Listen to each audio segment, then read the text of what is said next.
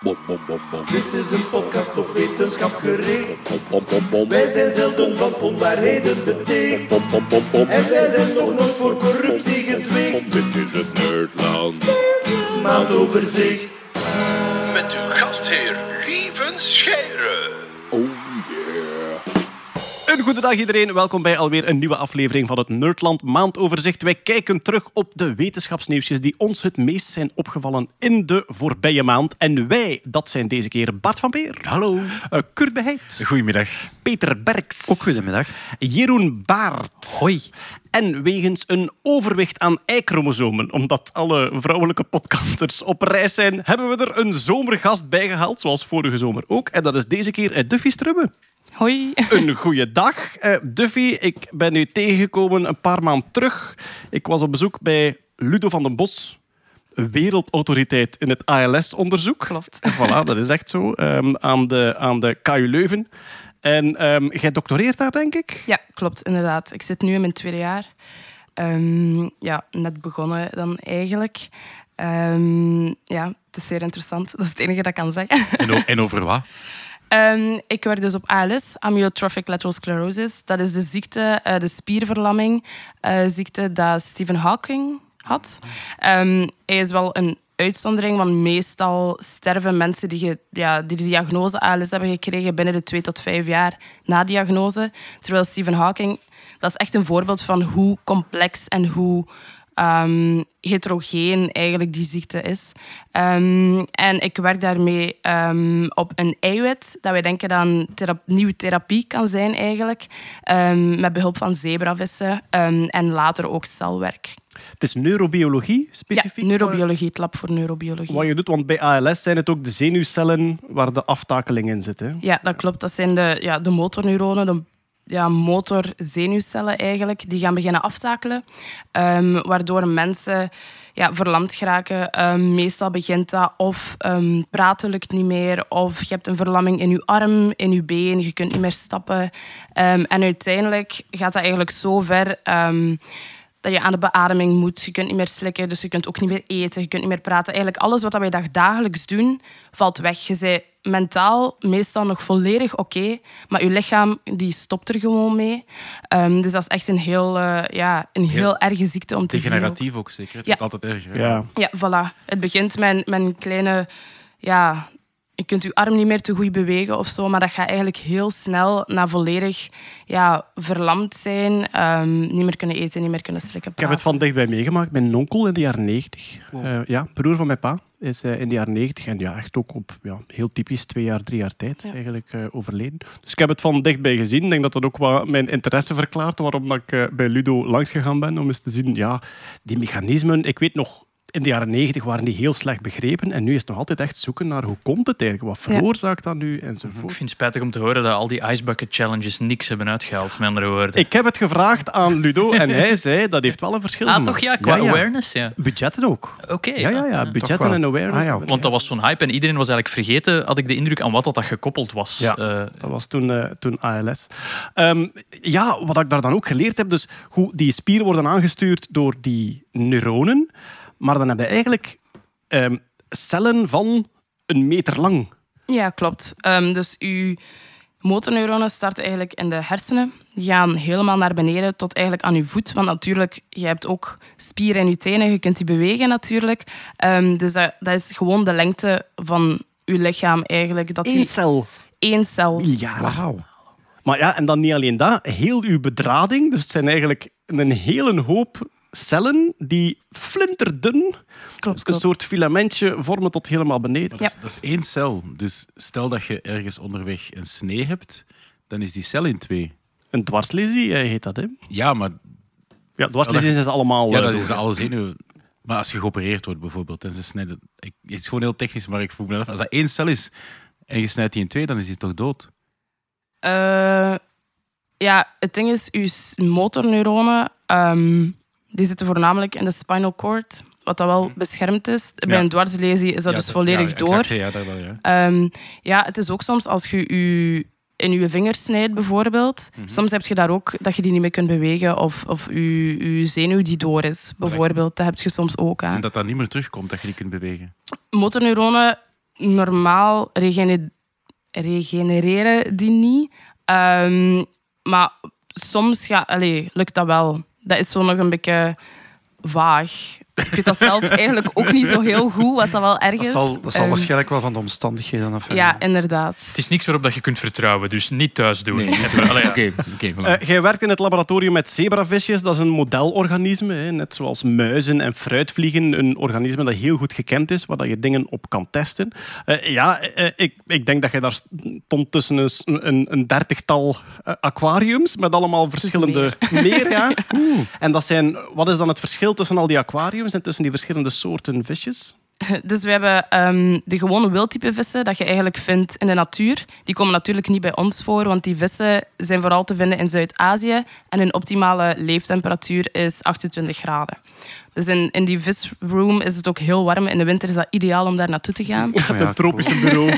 Klopt, inderdaad. Alhoewel, Ehm, bij deze temperatuur is dat ook nog heel interessant als het zo 40 graden wordt. Ja, Ja. ja, ja, Ja, ja, zeker. ja. Daar eh, zit ik vaak en eh, ik vind het niet zo erg. Ehm, dus we hebben vooral de wildtype, maar we hebben ook genetisch gemanipuleerde vissen. Dus dat zijn vissen die in het DNA een bepaalde ja, verandering hebben. Bijvoorbeeld, ik heb ehm, specifiek vissen die fluorescente motorneuronen hebben. Dus dat betekent als ik die vis onder een microscoop leg, dat die eigenlijk een kleurtje geven, waardoor ik gewoon die motorneuronen, die zenuwcellen kan zien. Fluorescente motorneuronen klinkt een beetje een Johnny Bak Ja. maar Ja. dat is het niet. van dat blauw led onder uw Ja, en, en een spoiler ook op die vis. ja. Wat aan mij ook opvalt aan zebravisjes, eh, horizontale strepen, terwijl je bij een zebra automatisch denkt aan Ja, maar die verticale zwemmen, die zwemmen Ah, die, als die naar boven zwemmen natuurlijk. Stuur Ja. je niet meer hier doen. ja. Eh, ik merkte dat de streep. Eh, en dus door die motorneuronen te zien, want dat is, dat is het doel van al die vissen, is door die genetische aanpassingen van eigenlijk eh, beter te kunnen gaan bestuderen welke mechanismen dat er achter ALS zouden kunnen Ja, zitten. klopt. Ehm, dus ik ga bijvoorbeeld... Wat dat wij voornamelijk doen in het labo, is eigenlijk de embryootjes, dus de eieren, ei- ja, eitjes gebruiken van de zebravissen.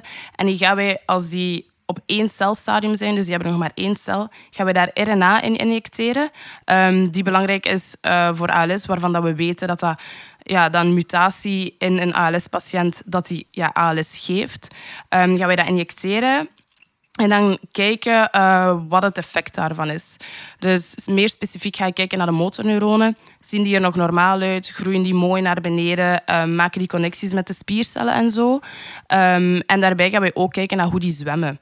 Ehm, dus dat is eigenlijk ja, een, een voordeel van met de zebravissen te werken. Wij kunnen en meer ja, mechanistisch gaan kijken, zien hoe het in de vis aan toe gaat, maar ook een output zien ehm, naar hoe die vissen bewegen. Want bij ALS heb je dus verlamming, maar bij die vissen zien we dat ook als wij bepaalde ehm, mutaties inbrengen of zo. En dan kunnen we die ook aan gaan gebruiken als een screening tool.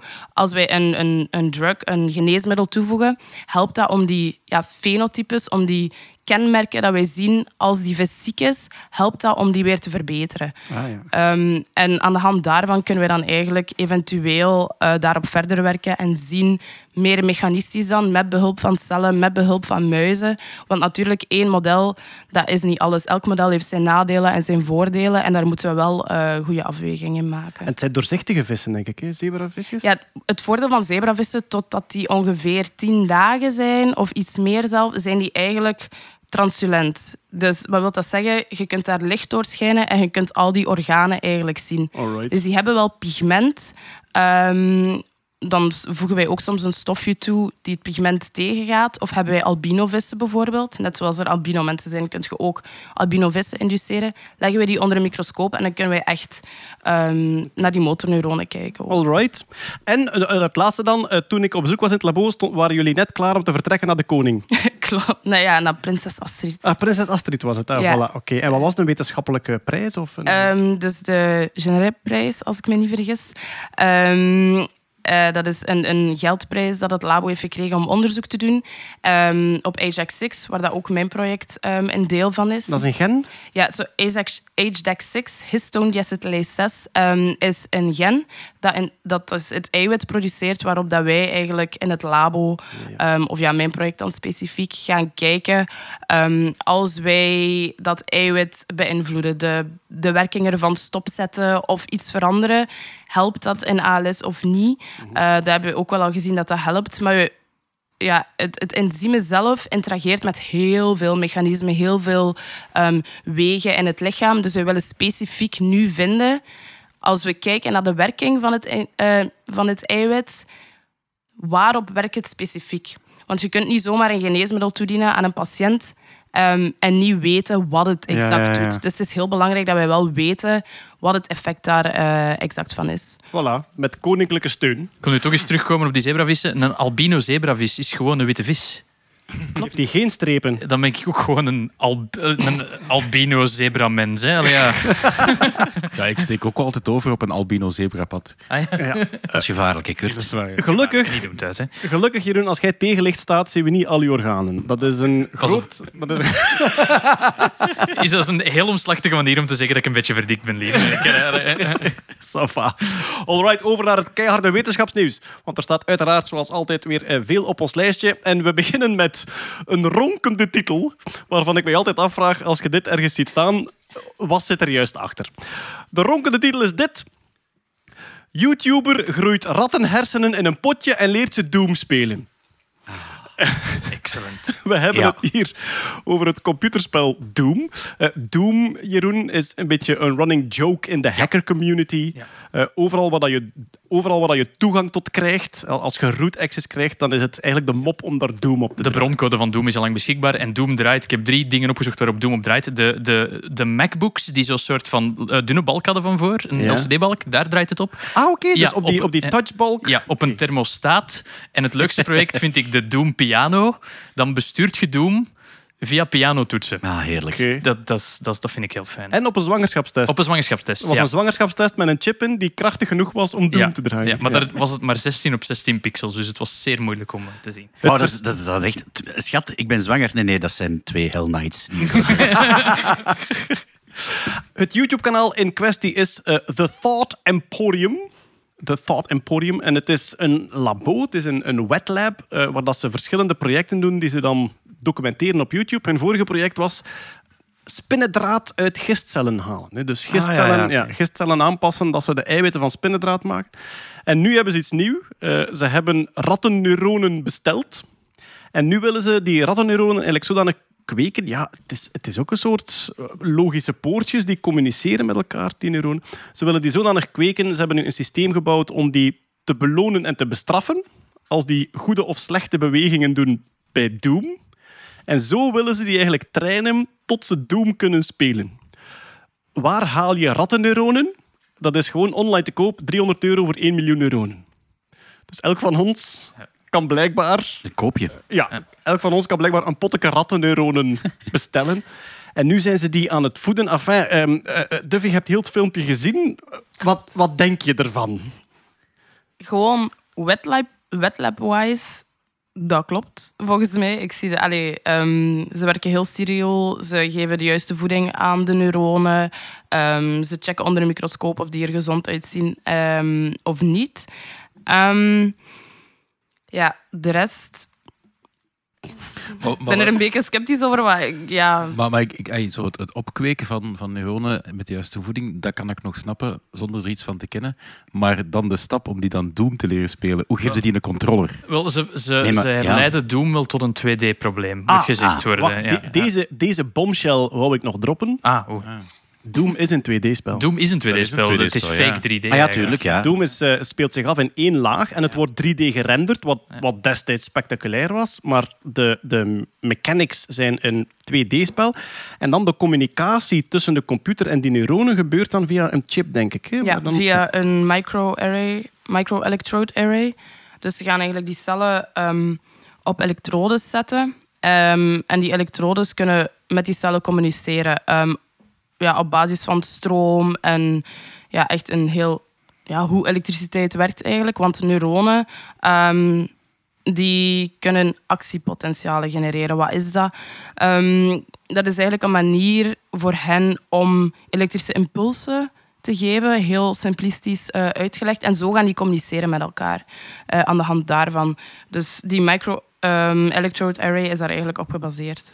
Maar de bedoeling is dan wel dat die, dat die neuronen ook leren terugcommuniceren. Dat die eigenlijk commando's kunnen geven aan die chip, waardoor dat er in Doom gedraaid wordt of geschoten wordt. Of Ja, dat soort het, dingen. het werkt in two ways. Micro. En, en in- hoe straft of beloont je zo'n systeem?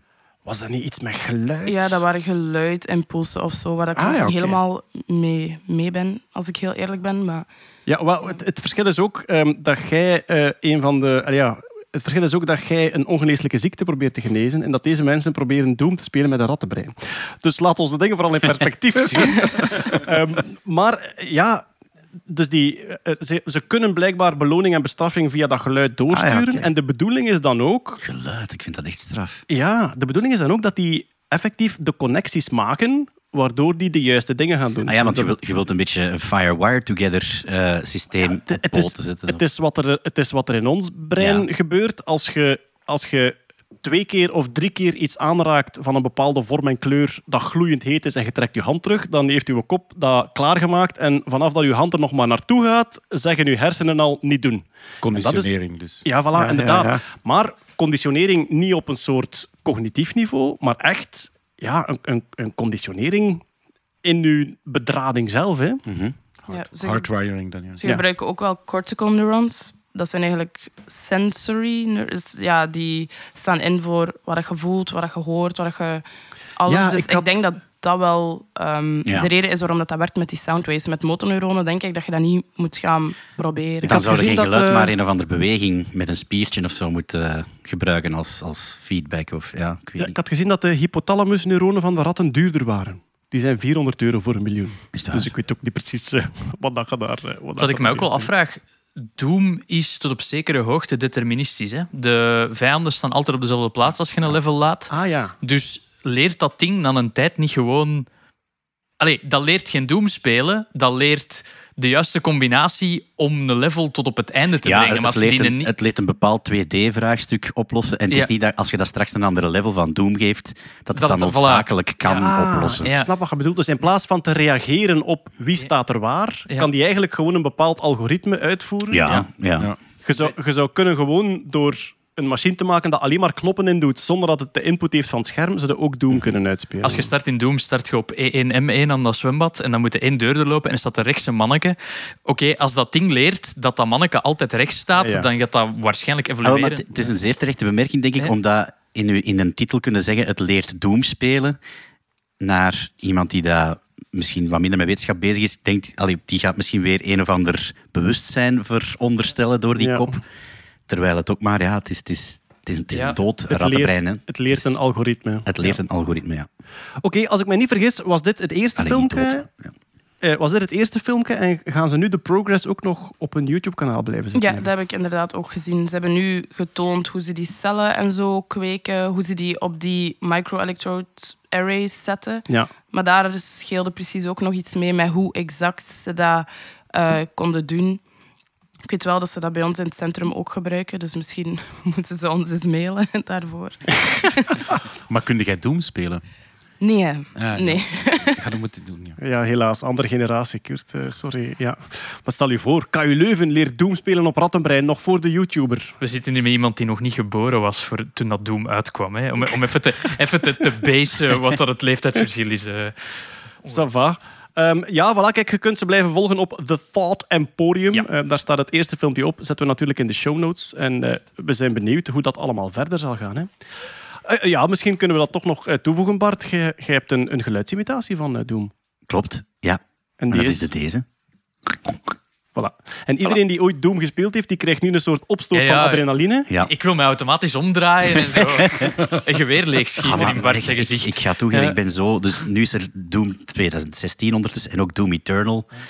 Ah, en ik ben het al voor de derde keer aan het spelen. Het is vreselijk verslavend. Maar je hebt dan een tijd niet kunnen spelen omdat het, eh, omdat het heel intens was. Hè? Of, ja, Ja, te, te, te angstinducerend. Ja, Ja, ja, ja, door, een, door een, angststoor, een angststoornis en Doom is een zeer slechte combinatie. Ja. Voilà. Binnenkort wordt het gespeeld door een rattenbrein. Ze waren ook nog aan het filosoferen, die mensen van de, van de Wet Lab waren ze aan het filosoferen. Misschien kunnen we vanuit onze huidcellen Klopt. nog... ehm, en wat moet je dan doen? Ehm, eh, stamcellen maken terug? Ja. Of? Dat, dat doen wij ook in het labo. En andere mensen ehm, in andere labos doen dat ook. Je gaat eigenlijk huidcellen nemen en je gaat die resetten. Net alsof je een computer reset, een gsm reset, reset ehm, met bepaalde factoren dat je toevoegt. En dan gaat je die eigenlijk reprogrammeren om terug pluripotente stamcellen te worden. Dus die worden cellen die helemaal in het begin van onze ontwikkeling, als we embryo's zijn, eigenlijk nog alle kanten kunnen uitgaan. Worden, worden die een, een hartcel of een spiercel of iets anders, dat, dat, dat gaan ze eigenlijk doen. Ehm, en dan voed je ja, bepaalde factoren toe die ze eigenlijk duwt in de richting van, in dit geval, een cortical neuron en in ons geval van motorneuronen bijvoorbeeld. Dat zijn andere stoffen die je gaat toevoegen. En dan houd je die een bepaald aantal dagen in cultuur. En op die manier kun je dan eigenlijk menselijke neuronen gaan kweken. Vanuit uw eigen huidcellen neuronen Ja. maken. En ze waren een beetje aan het filosoferen in dat wetlab. Misschien kunnen we dan van iedereen van het labo neuronen maken uit onze huid. En die dan Doom tegen elkaar laten spelen. En dan een soort eh eh, wedstrijdje. We kunnen eindelijk dat ding laten beslissen. Een paar podcasts geleden waren wij in de war over omnipotent versus totipotent versus plur- pluripotent. Ja.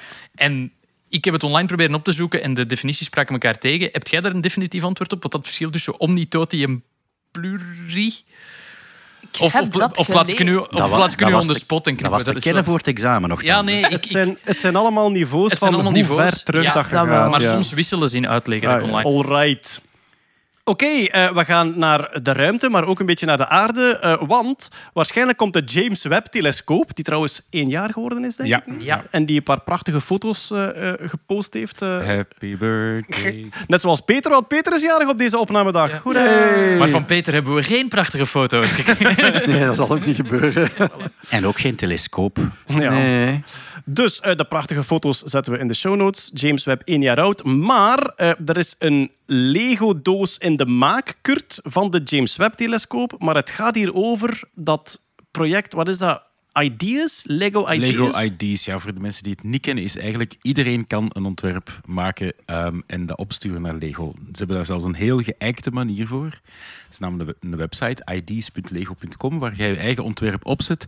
En dan eh, is het werk om fans te krijgen. In een aantal fasen kun je dan fans krijgen en je hebt daar x aantal dagen voor, maar iedere mijlpaal, 100, 1000, 5000 fans die je krijgt, zorgt ervoor dat je termijn iets langer wordt. En als je 10.000 fans hebt, dan zegt Lego, ah wel, dan gaan we het een keer bekijken. Dus ik kan bij mij thuis met alle Lego-blokken die commercieel te krijgen zijn, mijn eigen ontwerp bouwen. En bijvoorbeeld een James Webb-telescoop bouwen. We zouden ook kunnen een, een, een Nerdland-logo of het Belfort van Gent zouden allemaal Zou kunnen dat maken. perfect kunnen maken, ja. Je zet dat online en vanaf dan fans werven. Vanaf 10.000 fans zegt Lego, we maken het. Nee, zegt Lego niet, we maken het. Zegt Lego, we gaan het bekijken. Ah, oké. Vanaf Ja. 10.000 fans Ja. komt in voor de voting commission dan. Ja, dat komt inderdaad bij de, de engineers, bij de ontwerpers, bij Lego. Dan Ja. nemen ze de tijd en dan geven ze ook feedback en zo toestanden. Ehm, en nu heeft iemand, eh, Tony My Uncle, dat is een eh nickname, Tony Smunkel eigenlijk, mijn is ertussen, ehm, heeft dat gedaan. Het is niet de eerste keer dat hij het gedaan heeft. Hij heeft het al een keer eh, Met gedaan. Hubble. Heeft, heeft het al eens gepost vroeger. Nee, met James Webb-telescoop. Hij heeft al een keer een ontwerp waarbij dat... En het is wel heel cool, want het is, het is heel complex natuurlijk, heel die James Webb-telescoop. En hij heeft dat zo goed mogelijk naproberen te maken, dat je eigenlijk ook alles kunt uitvouwen en kunt dichtvouwen, dat er wel een beetje beweging in zit en zo, dat, dat het, dat het, heel, het, heel het patroon het bij hem...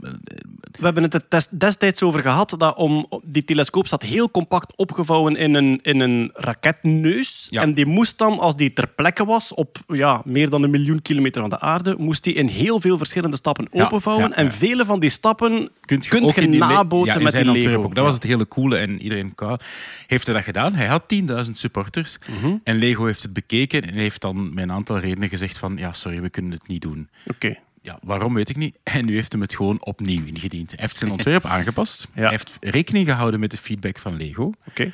En het is eigenlijk nog een iets blitzer en beter ontwerp dat hem nu gemaakt heeft. Maar ook weer hetzelfde principe dat je hem helemaal kunt openvouwen. En dat je eh, de start van iets wat dat in een klein...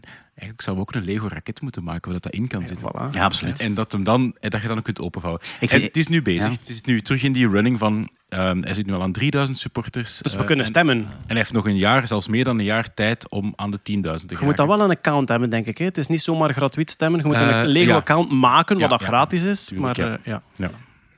in principe, om het echt realistisch te hebben, zou je tien jaar aan dat Lego-ding moeten bouwen, Absoluut, het dan in ja. de andere kant van je huis leggen en moet het vanzelf openvouwen. Om Ja. het echt James Maar En ik vind ook de, de eerste stap, en die blokjes moeten er zeker bij zitten, is een soort van klein bureautje en een paar ventjes die een funding dossier. Ja, en toch ook een soort, een soort lancering waarop dat alles nog kan opfikken. Ja, Dat je eigenlijk, je moet, je moet, een, soort, eh, je moet een soort lont aansteken van je Lego-doos als je ze krijgt. En eigenlijk één kans op duizend ontploft ze gewoon. en eh, is een stuk. En zoveel punten. Maar dus heel het principe van die Lego ID's, ehm, dat wordt vaak gedaan. Bijvoorbeeld heel veel, ja, ik heb thuis Lego en eigenlijk, als ik het even bedenk, zijn de meeste dingen van Lego dat ik thuis heb, zijn via Lego ID's. Bijvoorbeeld de Saturn 5 raket. De, de, de raket die naar de maan gegaan is. Allee, ja, Van, van de Apollo-missies. ja, voilà, Die, die, die, ehm, die is ook via Lego ID's. Ah, is het waar? Ja, die is ook zo aangebracht. En ik denk zelfs eh, ISS ook. Ah, is het echt? Die ISS, Dus ja, ook die heb op ik die staan manier. ook, ja. De tipmachine van Lego is ook via Lego ID's aangebracht. Oké. Dus heel veel. Ze, ze hebben daar wel zo een markt gevonden. Ehm, ja, nerds, hè, die Maar- dat, dat wel cool vinden. En dat zo die, een beetje dat niche, maar zo de, de meerwaarde en het coole van. Maar dat zit, ik weet niet goed in elkaar hoe dat ze die jointjes bedacht hebben en zo. Lego is al een paar jaar toch een van de slimste speelgoedmerken ter wereld. Qua marketing en qua, qua community binding zijn die echt wel Maar ze hebben ook een beetje een parcours afgelegd. Hè? Want ik weet nog, een van die allereerste tools om, om ideeën in te ontwikkelen, die, dat hebben ze redelijk snel moeten sluiten wegens een zeer korte time to penis. Ah, maar nee, dat was Lego World. Lego daar kon, World, kon ja. de geen, je kon, ze hadden heel Was de dat niet wereld... bedoeld om het werven, voor het werven? Nee, dat was een, ideeën, nee. je kon daar virtueel met Lego bouwen. En de bedoeling was dat je heel de wereld kon nabouwen. Dus dat je Ah, een ja. plek had die Gent was. En dat mensen virtueel alle gebouwen van Gent gingen bouwen. Maar goed, ja, geef mensen een eh, sandbox world op het internet. En Jeroen zit in uw lezing, denk Ja, ik. ja er- is heel veel, heel veel geld en tijd tegenaan gesmeten om een goed eh, penisdetectie-algoritme te maken. En dat is niet maar gelukt, niks hè? kon tegen Nee. de inventiviteit van mensen op die ze ook perspectief penissen aan het maken waren. Dus dat je op één specifieke plek moet gebouwen gaan die staan. vanuit één plaats Ja. eruit zagen Ja. als... Ja. En niet alleen penissen. Er, was, er is een zeer mooi voorbeeld van een, een, eh, een vrouwengenitalie die je van op een bootje in een meer kan zien eh, in Lego. Dus ja, het was... Ja, Allemaal te zien Ja. in Jeroen zijn metaverse. ja, absoluut. nog, nog één ding om te zeggen van dat die Lego ID's, dat die ehm, iets wat dat met België connecteert. Onlangs, eigenlijk tien dagen geleden of een dikke week, twee weken geleden, eh, is er een Belgisch ontwerp van, van ehm, een, een, iemand die zelfs bij Lego Masters gezeten heeft, namelijk Amber Veit, een, een jonge dame die daar een Disney-huis, een, een, eh, een, een, een, een huisje uit de film Disney Hocus Pocus, ehm, gemaakt heeft. Ook via de Lego ID's-procedure 10.000 fans Alright. gekregen heeft. En Lego heeft het nu effectief op de markt gebracht. Oké. Maar Prachtig. Disney, dat is wel een grote kanshebber, denk ik, als je iets uit Iets fandom Disneyland pakt. Ja. Oké, we gaan naar de insectenwereld. En Peter, wat een nieuws. Wat een wereldschokkend nieuws. Ja. Stop de persen, dames en heren. Ik hoop, Want, ik hoop dat je zit, hè? want er is een mannelijke kever ontdekt. Volwassen mannelijke kever. Ja. Zonder dekschilden. Alsjeblieft, Oh. Peter. Boom. Wat, Ja. Waar gaat de wereld naartoe? Ja, dat is waar. Het is allemaal aan de verdoemenis. Nu, ehm, eh, het artikel had wel die toon. Het, Ja, het, dus ja, onder, ja. en onder, als als ik nu Maar- binnenstorm, als ik nu binnenstorm in een café vol entomologen die nog van niks weten en ik zeg er is een mannelijk, volwassen mannelijke kever ontdekt zonder dekschilden, Ja, krijg ik dan dat- de reactie? Dat gaat wel zoiets zijn. Maar en zet je dat te weten gekomen op uw verjaardag, Peter? Nee, nee, het was al iets Ah, eerder. oké. Ja. Waarom is dit spectaculair nieuws? Wel, ehm, ja, er is nog nooit een gevonden. Hè.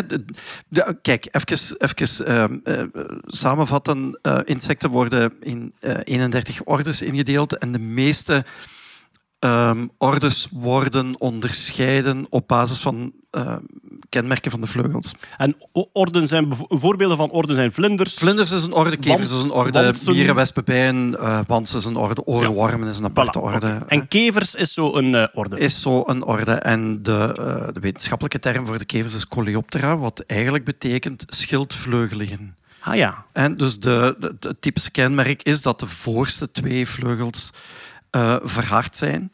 Niet dienen om mee te vliegen. Dus zij klappen die gewoon open. Aha. En alleen de achtervleugels worden gebruikt om te vliegen. Want insecten hebben vier vleugels. Standaard. Maar bij velen zijn, is één van die twee vleugelparen heeft die een andere functie gekregen. Ehm, ja, Lang- pas op. maar, eh, Wacht. eh, De enige uitzondering is, eh, de- of zijn de vliegen en muggen. Die hebben er maar twee. Ah, Wel, dus li- libellen, ehm, libellen, waterjuffers, zien we heel typisch met vier vleugels. Ja, En dan, Springkanen ook, vlinders ook, bijen Ah, en wespen voilà. en mieren ook.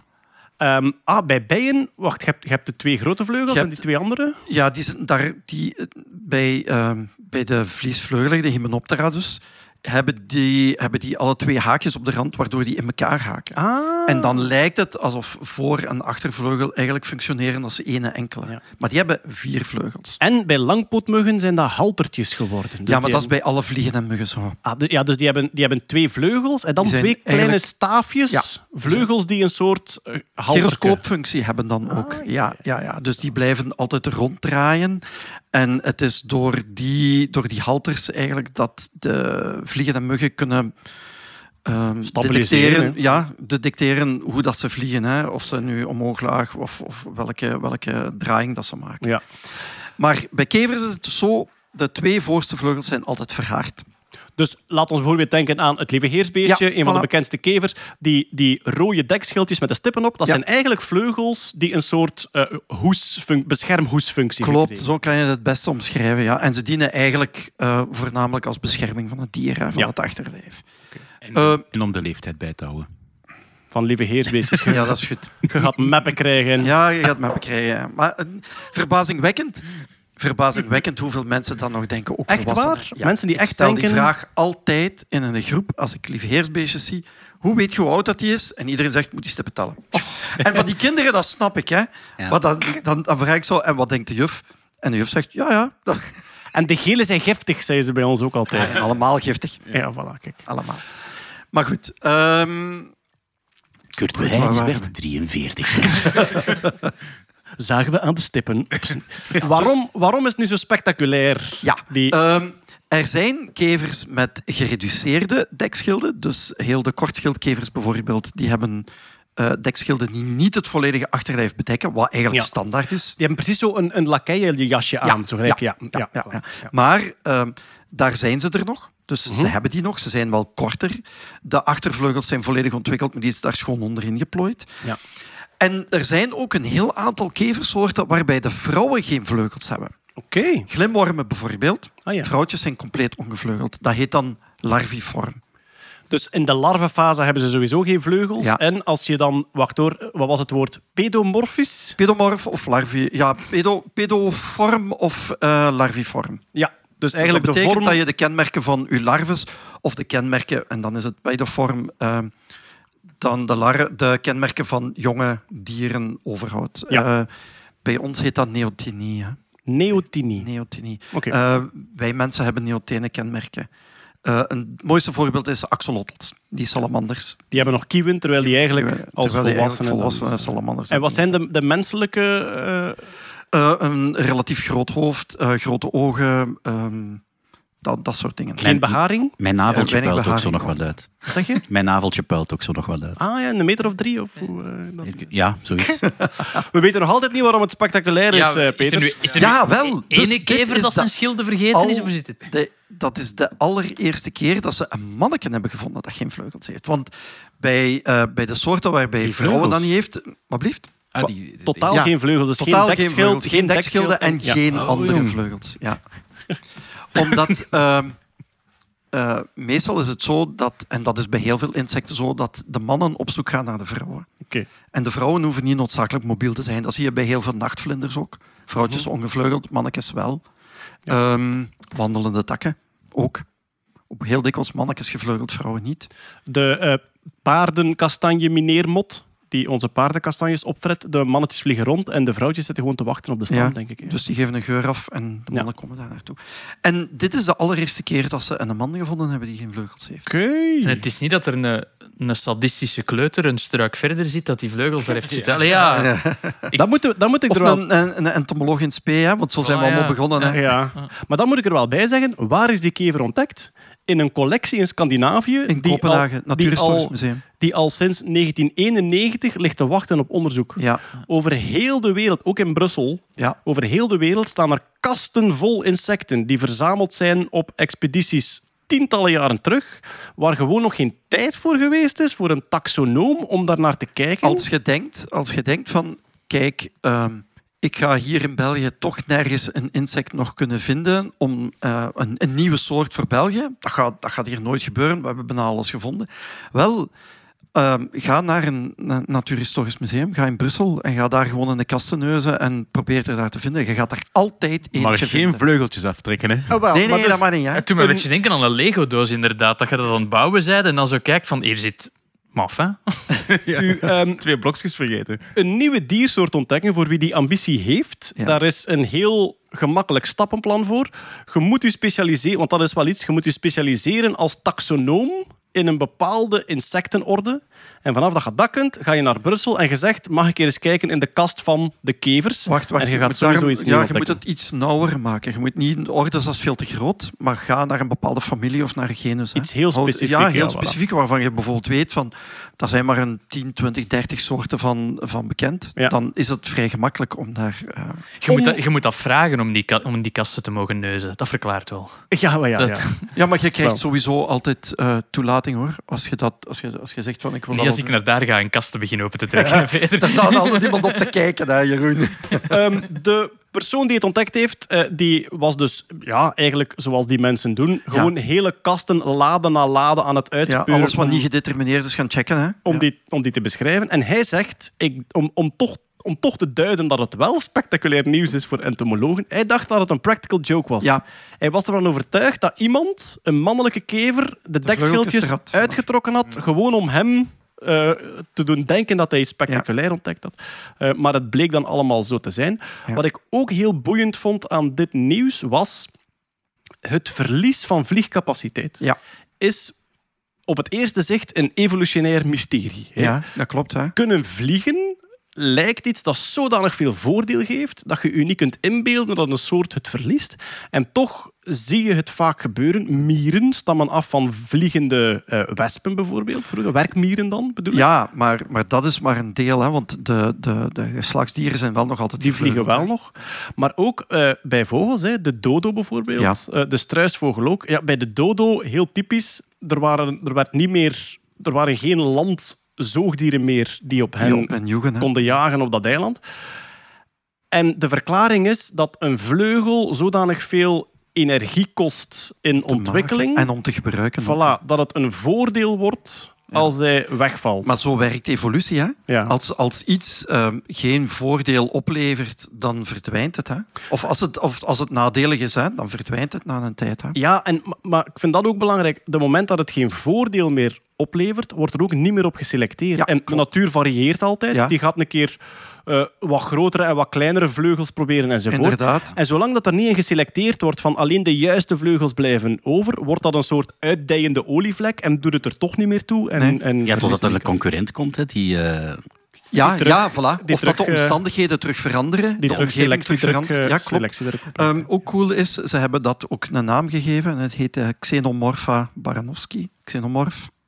Xeno vreemd. Xenomorf, ja, vreemde vorm. Maar Vreemdvormige- de xenomorf is het monster van Aliens. Hè. Ah, Dat is juist. Xenomorph. Ah, dat is juist. En het was een aliens fan. Ja. De, eh, ja, Ja, ja, de, de entomoloog die het... Dus eh, de creativiteit van de, van de taxonomen is altijd wel... Voilà, kijk, Het eh, monster van Alien, gedesigned door H.R. Geiger, een Zwitserse kunstenaar, die, heel veel, ehm, die ook heel, een hele grote insectenfan was. En heel veel van, van Ah, kijk, natuurlijke... Ja, die, die gebruikte zeer veel van die dingen in zijn designs. Er is een... Voilà. je Ja, moet dat maar eens scenaristen opzoeken online. trouwens ook. Hè. Heel die... eh, dat uit, eh, uit het lichaam komen van die xenomorphs, dat is eh, parasieten. Hè. Ah, natuurlijk. Daar hebben ze bij de sluipwespen hun mosterd gehaald. Hè. Parasitaire Je wespen. kunt daar ook een seksueel achtertoon aan geven die veel mensen in Alien denken te lezen, omdat ehm, die alien doet zijn bek open en stopt dan eigenlijk een andere alien die Ja, daaruit daar komt nog een bek uit. Voilà, stopt die in uw keel. En dat zou een soort van seksuele connotatie hebben, maar dat is mogelijk te ver gezocht. Maar Sometimes a cigar is just a cigar. Searching for Alien is denk ik een documentaire die dat Ik had dat niet totdat ik die film zag en, en merkte dat daar saxofoonmuziek onder gemonteerd was. Ja, Ja. Oké, maar kijk, eh, dames en heren, loop naar de straten en de pleinen en vertel het aan iedereen. Ja. Er is een mannelijke kever ontdekt zonder, Zonder dekschilden. Eén, voor de duidelijkheid. Eh, een- één soort. Oké, één. Eén, één soort, hè. Ja, voilà, dat, eh, dat sowieso. Eh, terug naar de hersenen, zowaar. Duffy, je krijgt eh, weinig rust hier vandaag. Ehm, de, eh, wat zagen wij verschijnen? En ik ga bij u checken of deze titel te spectaculair geformuleerd is of niet. Een oppepper van de mitochondriën kan dementie een halt toeroepen. Oké, eh, Eh, dementie kennen we, mitochondriën, voor zover ik het me herinner, de energiefabriekjes in de cel. Klopt, klopt, inderdaad. Ehm, persoonlijk denk ik dat het een redelijk grote titel is. Eh, we hebben Ronkende titel. Ja. We hebben inderdaad wel al gezien in neurodegeneratie in het algemeen ehm, dat het niet werken of niet goed werken van de, de mitochondriën ook wel aan de basis kan liggen ehm, van waarom eh, dan neurodegeneratieve ziektes ontstaan. Ehm, daarbij zijn er ook wel altijd veel andere hypotheses of eh, dingen die gezien zijn geweest. Ehm, in ALS bijvoorbeeld hebben we ook wel gezien dat ehm, de functie van mitochondriën, eh, als we daar ja, mee spelen en die eigenlijk slechter maken, dat we ook wel ALS-fenotypes zien en zo. Dus Hoe, hoe speel je met de functionaliteit van mitochondriën? Want goed, een cel op zich, ehm, voor, voor ehm, stervelingen zoals wij, die niet in de, in de life sciences zitten, een cel lijkt mij al iets zo moeilijk om te bereiken of visueel te maken. Mitochondriën zijn dan nog eens celonderdelen. Hoe kan je met die functionaliteit eh, spelen? Ja, persoonlijk doe ik daar zelf met mijn zebravissen geen onderzoek naar. Ehm, wat ik wel denk is bijvoorbeeld... ehm, ja, ik hoop dat ik het juist zeg. Anders zal Ludo mij wel eh, een mailtje sturen. Ludo, Ludo kan mailen naar podcast.nederland.be. En dan stuur ik naar Ludo, bedankt voor de feedback. En dan is het in orde. Ehm, je kunt bijvoorbeeld... Ja, dus de mitochondriën, dat zijn energiehuisjes van de cel. Ehm, nu, als die niet functioneren, dan gaan cellen bijvoorbeeld onder oxidatieve stress staan. Ehm, dus ja, hoe leg je dat uit? Die cellen gaan gewoon heel gestresseerd worden. en dat is slecht voor die cellen. Chemisch dan, hè? Chemisch, Ja, je gaat inderdaad. die chemisch onder druk zetten, waardoor die mitochondriën slecht Ja, dus ik denk als je eigenlijk een stress environment, ehm, een omgeving creëert voor die cellen, dat je dat eventueel kunt eh, nabootsen. Maar zoals Ja. ik al zei, ik weet het niet 100% zeker, dus Ludo, don't kill me. Ehm, maar ja, dat, dat wordt dus inderdaad wel gedaan. We hebben verschillende mensen die op mitochondriën werken, eh, bij ons in het labo ook. Ehm, ik weet ook in andere labos op, op Parkinson of, of op eh, ehm, dementie, dat dat ook wel gezien is geweest. Ehm, nu, een, een, een ding dat we denken dat, dat daarmee te maken heeft, is als de mitochondriën niet goed ehm, functioneren, je hebt niet genoeg energie in je cellen, dat dat ermee kan te maken hebben dat proteïnen, eh, eiwitten eigenlijk gaan samenklonteren of dat die niet ehm, verwijderd kunnen worden. Dus specifiek de eiwitten alleen targeten is misschien geen goed idee. Oké. Want ja, in neurodegeneratie heb je dus eiwitten die eigenlijk gaan samenklompen en op die manier eh, symptomen kunnen veroorzaken van dementie. Ehm, allemaal verschillende eiwitten, wel, Wel, soms dat- hetzelfde. Dat hoor ik altijd over Alzheimer, over de plaques. Hè, dus die, Ja, die eiwitten klopt. die samenklonteren. En dus, eh, in plaats van op die eiwitten te gaan werken, zou het kunnen dat die mitochondriën daar een soort oorzaak van zijn. Dat kan inderdaad de reden zijn. Ça va. Nu, eh, ja, de titel van het artikel, een oppepper voor de mitochondriën. Oké, je kunt dus ehm, door cellen onder stress te zetten, chemische stress, waarschijnlijk die mitochondriën verminderen in functie. Maar ze verbeteren in functie. Ja, hoe doe je dat in godsnaam? Ehm, volgens het artikel dat ik daarbij gelezen had, ehm, hebben ze in, in, in Amerika, denk ik, een transplantatie geprobeerd van mitochondriën ehm, in de hersenen van de patiënten. Ze hebben ehm, spiercellen genomen en daar eigenlijk de mitochondriën uit geïsoleerd en die dan eh, ingebracht in die persoon om, eh, wat was het? Ik denk Parkinson, maar ik ben niet 100% zeker, ehm, te helpen. Dus Ehm, mitochondriën van cellen die wel nog oké waren. Ja. Is de, het, oké. Maar, maar zo een mitochondriëntransplantatie van cel, dat is dan echt cel per cel dat je die eruit moet halen en dan in... Of hoe moet ik dat Dat gaat niet voorstellen? lukken, denk ik. Ja, hoe moet ik dat voorstellen? Ja, ze gebruiken eigenlijk ehm, een soort extractieprotocol. Dus je gaat eigenlijk die cellen ehm, laten breken Ja? En ervoor zorgen dat die mitochondriën dan helemaal van... Als je die op hoge snelheid laat draaien... Ja. Je weet ook, als je met een emmer ja. met water zo... Ja, Centrifuge, Draait. ja. Ja. ja. En ehm, dat krijg je dan in die nieuwe cellen? ja dat is... Ja, ehm, hoe hebben ze dat gedaan? Ik denk niet dat dat beschreven stond.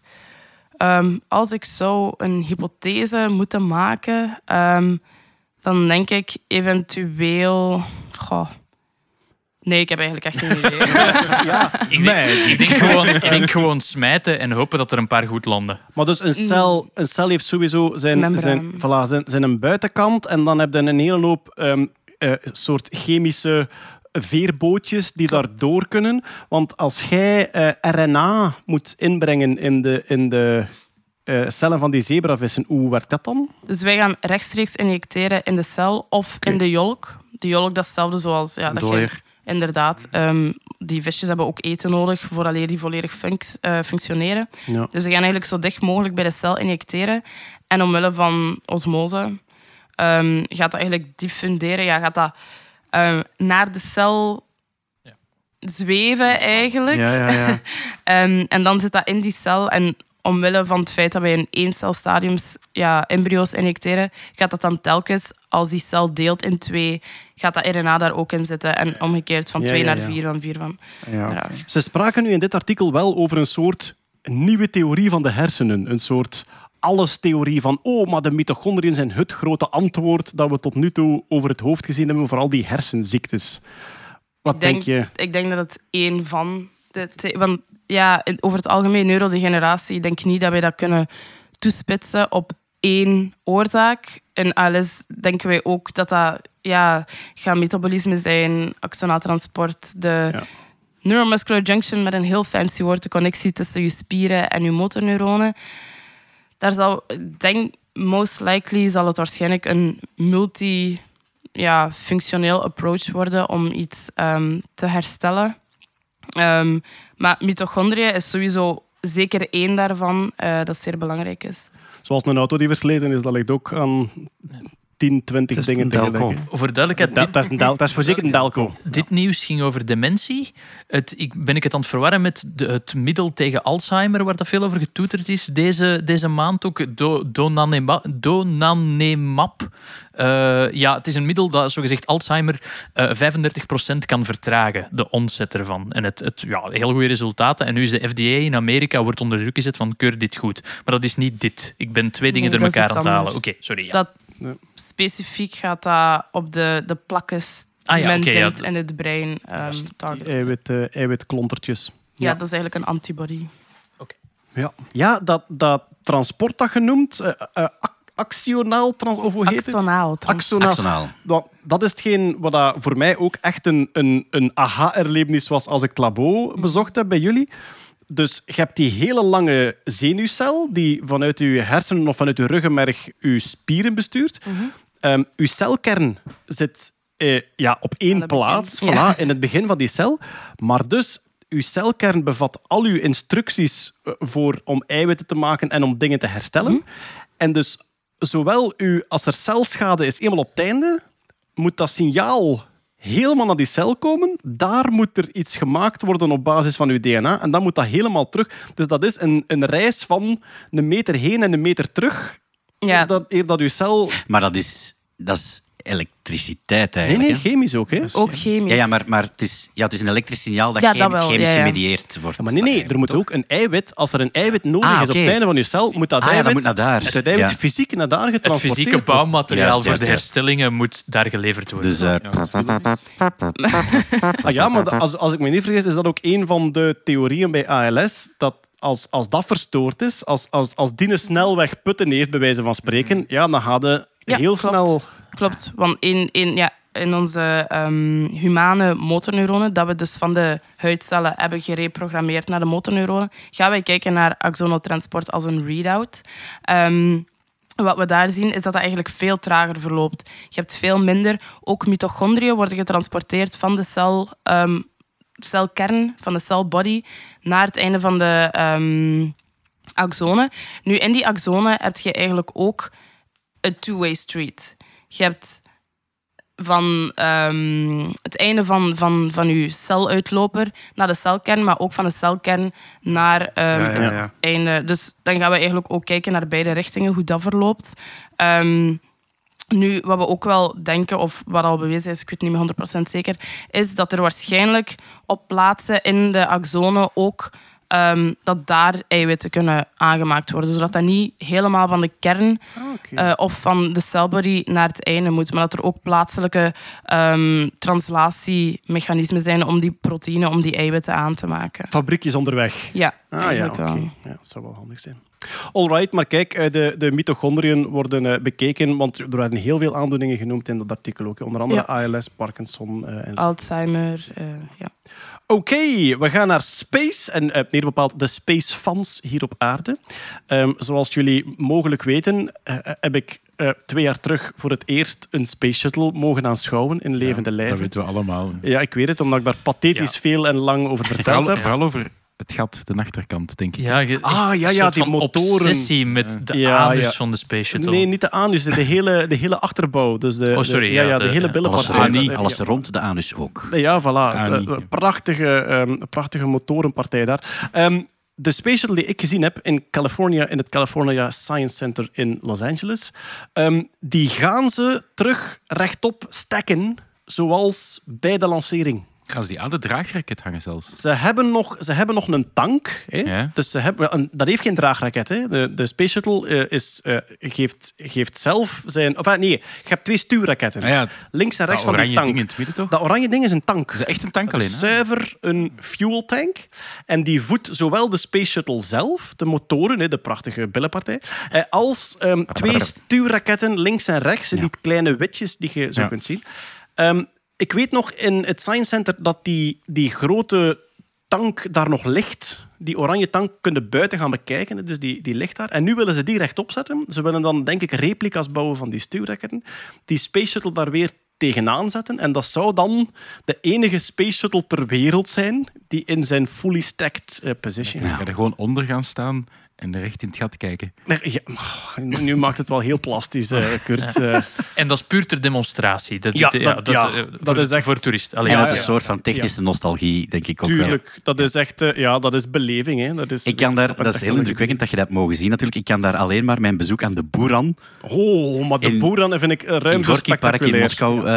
nu, helaas, dus dat is, dat is, voor alle duidelijkheid, dat is de Russische kopie van de Space Shuttle, waarvan de Russen zeggen, nee, nee, we hebben niet in de plannen gekeken. Ja, dus de, Eh, de Amerikanen maken een Space Shuttle. Ehm, ik denk een paar jaar later, of minder dan een jaar later, komen de Russen met een heel gelijkaardig Space Shuttle model, de Buran. De Amerikanen zeggen, het is allemaal spionage. En zij zeggen, nee, nee. Als je dat berekent, komt er logischerwijs op hetzelfde uit. Ja. Ehm, de Buran heeft één keer gevlogen, onbemand. Ja, Die is dan geland en toen zeiden de Russen: Sorry, maar dit design in principe is veel te duur Ja. om op lange termijn haalbaar te zijn. En de Amerikanen zeiden: Dat is niet waar. En 40 jaar later zeiden ze: Sorry, maar dit is veel te duur om op lange termijn. Nee, 30 jaar ik denk later, wel dat de. Russen er uiteindelijk twee of drie gebouwd hebben. Eén waarvan, of één is gewoon eh, tragisch ten onder gegaan door een, een, een hangaar die erop ingestort is, Het omdat de funding een- stopgezet werd. Het dak Ja. van een hangaar is ingestort op Ja. de Boeran die En erin degene die ik bezocht heb, dat was vreselijk. Dus je staat daar buiten. Dat is, eigenlijk is dat een redelijk prachtig ding, want je moet je dat inbeelden. Eigenlijk is dat een beetje een- een- de Cybertruck. Daar zijn zo hoeken afgeslagen over. Dat is Ah, een ja, beetje ja, een, blokjesdesign. Ja, hij heeft zo iets, iets scherpere Ja, het is- jukbeenderen. eh, ja, ja. ja, ja, ja. En hij heeft ook geen, eh, geen eigen motoren, denk ik. Dus hij heeft geen Echt? motoren. Ah, nee, oké. geen motoren. Ik, ik Dus zie hem nu voor de eerste keer en het lijkt op een space shuttle die kinderen gemaakt hebben Voilà. voor carnaval. Dat is echt- Zo van, dat je echt denkt dat dat papier-maché en karton is. Of, ge- of zo, Ja. ge- eh, zo, ik zie daar nu zo'n internetpostje bij van eh, This dad is great. He eh, built his son's design in real life. Ja, Zo, zoiets, kijk, ja. Maar dus die, als je daarin stapte, daar was een soort van eh museumpje in gemaakt. Oké. Echt vreselijk knullig. en dus alle echte inhoud was weg. Dat was ja, grote teleurstelling. Gewoon een, een lege doos. Een lege doos. Enkel nog het omhulsel Ja. van de, van de Boeran. Ja. Space Key Shuttle Ski. Oké, maar kijk, ik denk dat het nog twee jaar duurt eer hij volledig in die, ehm, in die opstelling zal staan. Maar eh, ik kijk er naar uit en ik hoop hem dan nog eens te gaan zien. Volgend nieuwsje. Ehm, er is een plek gekozen. Een plek die mogelijk als eikpunt kan dienen voor het begin van het Anthropoceen. Het Anthropoceen. Zijn we mee met het Anthropoceen, Ja. iemand? Het is lang geleden, dat weet ik. Ja. Nee, nee. Nee, het nee, is nee, nu. nee. Het is, Is nu. Ja. Ja. Potverdorie. Ehm, we leven nu in het Holoceen. Hè? Dus we, hebben het, we hebben het Pleistoceen We hebben gehad. het niet genoeg over achterwerken gehad. Dus we hebben het Pleistoceen gehad. Dat is 11.000 jaar geleden het Holoceen geworden. Dat zijn zo ja, die lange tijdsperiodes. Hè, gelijk dat Geologie. Ik ben het aan het verwarren met, ik ben het aan het verwarren met Jura en Krijt. Ja, wel. Ja, dat zijn er ook, maar die zijn eerder. Ah, die zijn nog eerder. Het is in dat rijtje ook dat we zitten. Ja, we, zitten, we, zitten, ja. We zitten bij, die, bij die, inderdaad, die tijdsaanduidingen van periodes lang geleden. Ehm, ik moet er, moet er wel enorm mee opletten, want dat heeft verschillende categorieën. Je, hebt, je hebt eras en periodes en tijdsvakken, Ah, ja, ja, ja, en dat zijn allemaal onderverdelingen. Ja. Krijt, Jura en Trias zijn periodes. En eh, het, het, waar dat we het nu over hebben is een era. Eh, ik denk dat een era langer, groter is dan een periode, niet? Ja, ja, klopt. Een Mesozoïcum. Dus het Krijt, Jura en het Trias zijn allemaal deel van het Mesozoïcum. Wij zitten nu in het kwartier. Ah, wel, dus-. Ah, ja. En daar is het, een, het eh, Anthropoceen en Pleistoceen een onderdeel van. Ja, dus de periodes. De periodes zijn Jura, Krijt enzovoort. En onze periode nu is het kwartier. Ja. Ah, het kwartier wordt onderverdeeld in tot nu toe twee onderdelen, tijdsvakken dan. Ja, ja, ik denk dat het tijdsvakken zijn. En dus het eerste was het Pleistoceen van 2,5 miljoen jaar geleden tot 11.700 Yep. miljoen jaar geleden. We zitten nu in het Holoceen. Hoe wordt die grens bepaald? Ja, door, ehm, door klimaat, door ja, omstandigheden. dikwijls de ijstijden zijn daar zo een van die Ja. markeringsdingen. hè En natuurlijk eh, door in de grond te gaan kijken naar Ja. al die aardlagen en naar een soort veranderingslijnen te gaan kijken. De allerbekendste is die meteorietinslag van Ja, 66 miljoen jaar geleden. Voilà, je hebt een, een, een iridiumlaag van die inslag die de dinosaurussen eh, uitgeroeid heeft. Dus dat is eigenlijk toen... Dat is een moment waarop de aarde van de ene dag op de andere in een ander tijdvak terechtgekomen is. Of misschien zelfs andere periode, dat weet ik nu niet precies. Ja, een andere periode. Hè. Ja, voilà. Dat is het einde van het krijt. Hè. Ah ja, voilà. Dus, we zitten nu in het Holoceen, maar al een paar tientallen jaren zijn er veel wetenschappers die zeggen de mens heeft de aarde zodanig veranderd in de aardlagen, detecteerbaar in de aardlagen. En dan hebben we het niet alleen over klimaat, maar ook over vegetatie, landbouw, Ja. dingen die heel erg veranderd zijn. Ehm, en wat zij ook zeggen is, de atoomproeven hebben een enorm detecteerbare lijn getrokken in de aardlagen. Dus vanaf dat je die waterstofbomproeven hebt, dus na de Tweede Wereldoorlog, heb je echt een heel detecteerbare lijn van de fallout, Maar je krijgt, plutonium. je krijgt onder andere ook door eh, vervuiling en klimaatverandering ook die afzetting in, in ijs op de poolkappen en dergelijke. Dat, dat is ook een van die dingen. Hè? Ja, ja, zeker. Want ik denk, de overgang van Pleistoceen naar Holoceen is in, ik denk, Ant- Antarctisch ijs. Dat kan echt gewoon een Ja. kleurverandering Ja. door heel dat klimaat. Dan kunnen ze echt zeggen van, kijk, hier zit Dat zou kunnen, ja. En dus al een paar tientallen jaren zijn er wetenschappers die zeggen misschien moeten we in plaats van het ehm Holoceen, moeten we zeggen sinds 1945 of 1950 leven wij in het Anthropoceen. Ja.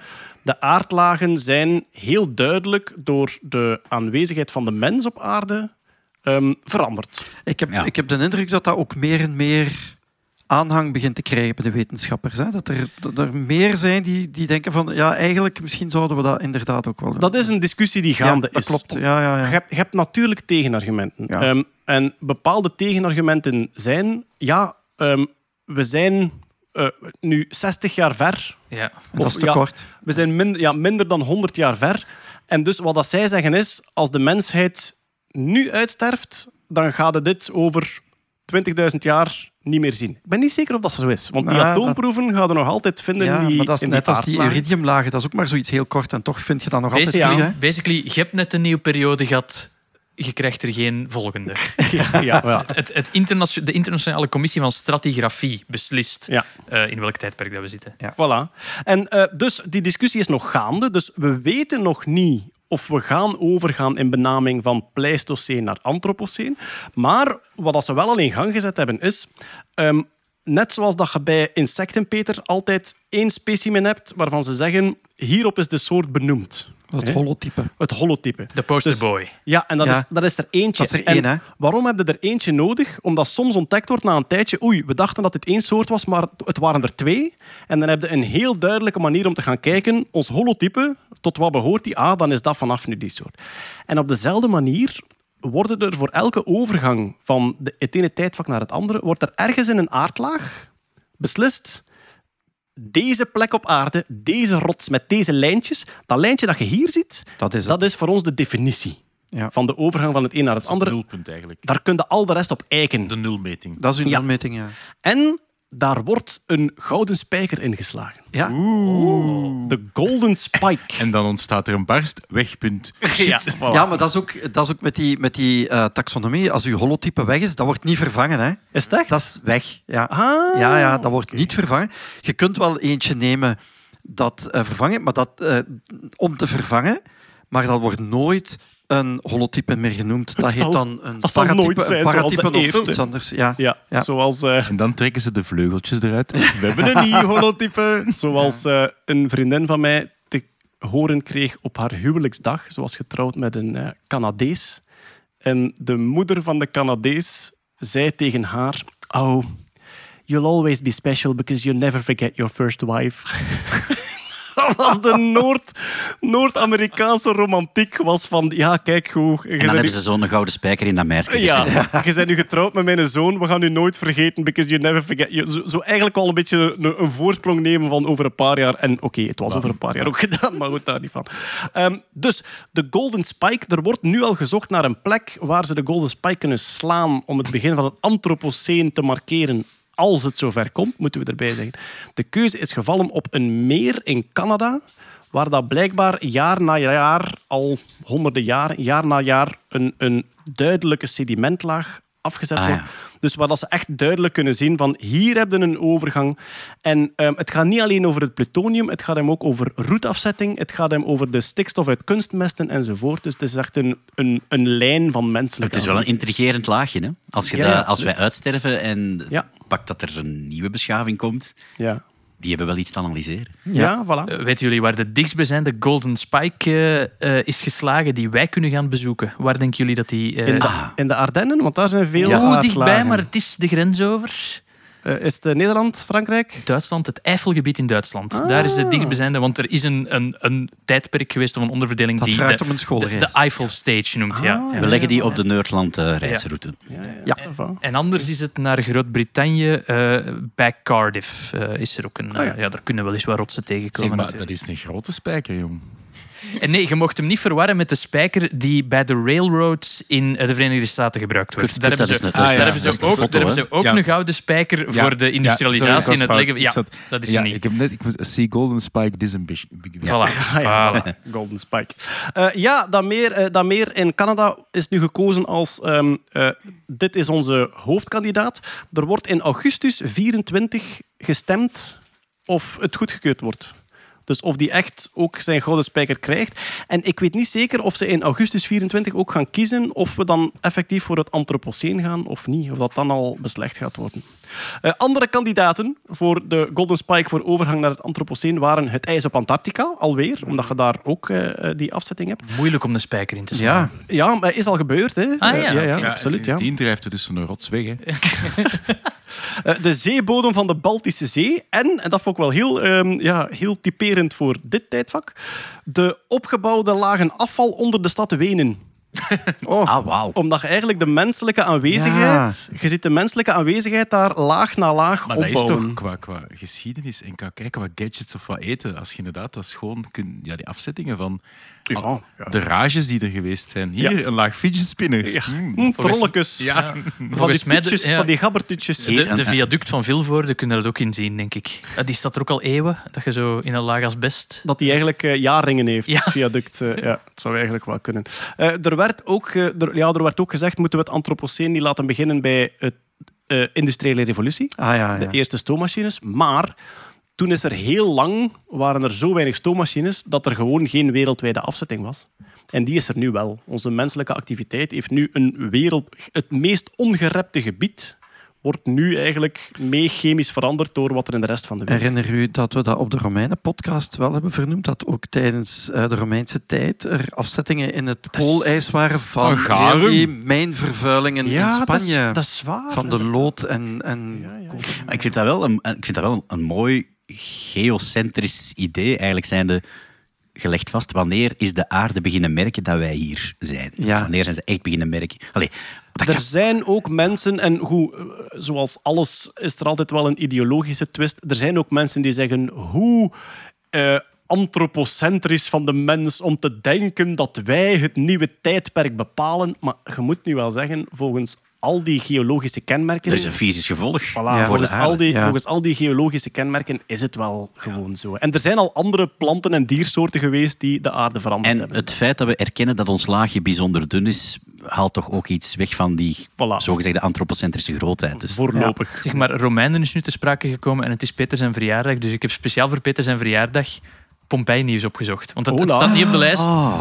Er is in Pompeii weer iets nieuws ontdekt, Peter. Een fresco van de voorloper van de pizza. Ze, hebben er een, Oh, ja, ze zijn ja, er een, dinges, een huis aan het eh, uitgraven geweest. Ja, ja, ja. ja. Ik heb hem, ik heb ja. hem eh, want eh, Max Miller, dat is de YouTuber van ehm, Tasting History, die heeft er al een aflevering over Ja, gemaakt. er wordt altijd Klopt, gezegd van de, de pizza is een recent Italiaans recept, maar enfin, Nee, nee, nee, en dat nee, een nee. soort proto-pizza Er zijn. is zelfs, De er is zelfs protopizza. eh, de legende dat de stichting van Rome iets met pizza's te maken heeft. Wat? Ja. Ja. Ehm, Dat zijn ze- zeven heuvels van kaas. En er is u- daar een bende ananassen afgekomen en dat is een strijd geweest. Dat is Ongelooflijk, verschrikkelijk. Zeven heuvels, uw- quattro Ik stagioni. probeer u, ik probeer u uw gewijde geschiedenis bij te brengen. Eh, herinner u Aeneas? eh, of Aeneas? Nee. Dat ging die ja. uit de Trojaan die, Die uit vlucht bij de, met bij Dido, de-? Met zijn vader op zijn rug. Ja, inderdaad. En zijn zoontje aan de hand. Ja, die is dan gevlucht en die Remus. heeft dan ook zo'n soort ehm, odyssee ehm, rond heel de Middellandse Zee gedaan. En eh, er was een voorspelling van een aantal harpijen die zei van... ehm jij gaat ooit nog zoveel... Je gaat in een land terechtkomen waar je zoveel ontbering gaat hebben dat je eigenlijk je tafelmeubilair en je borden gaat opeten. En dat is de plaats waar dat je moet blijven.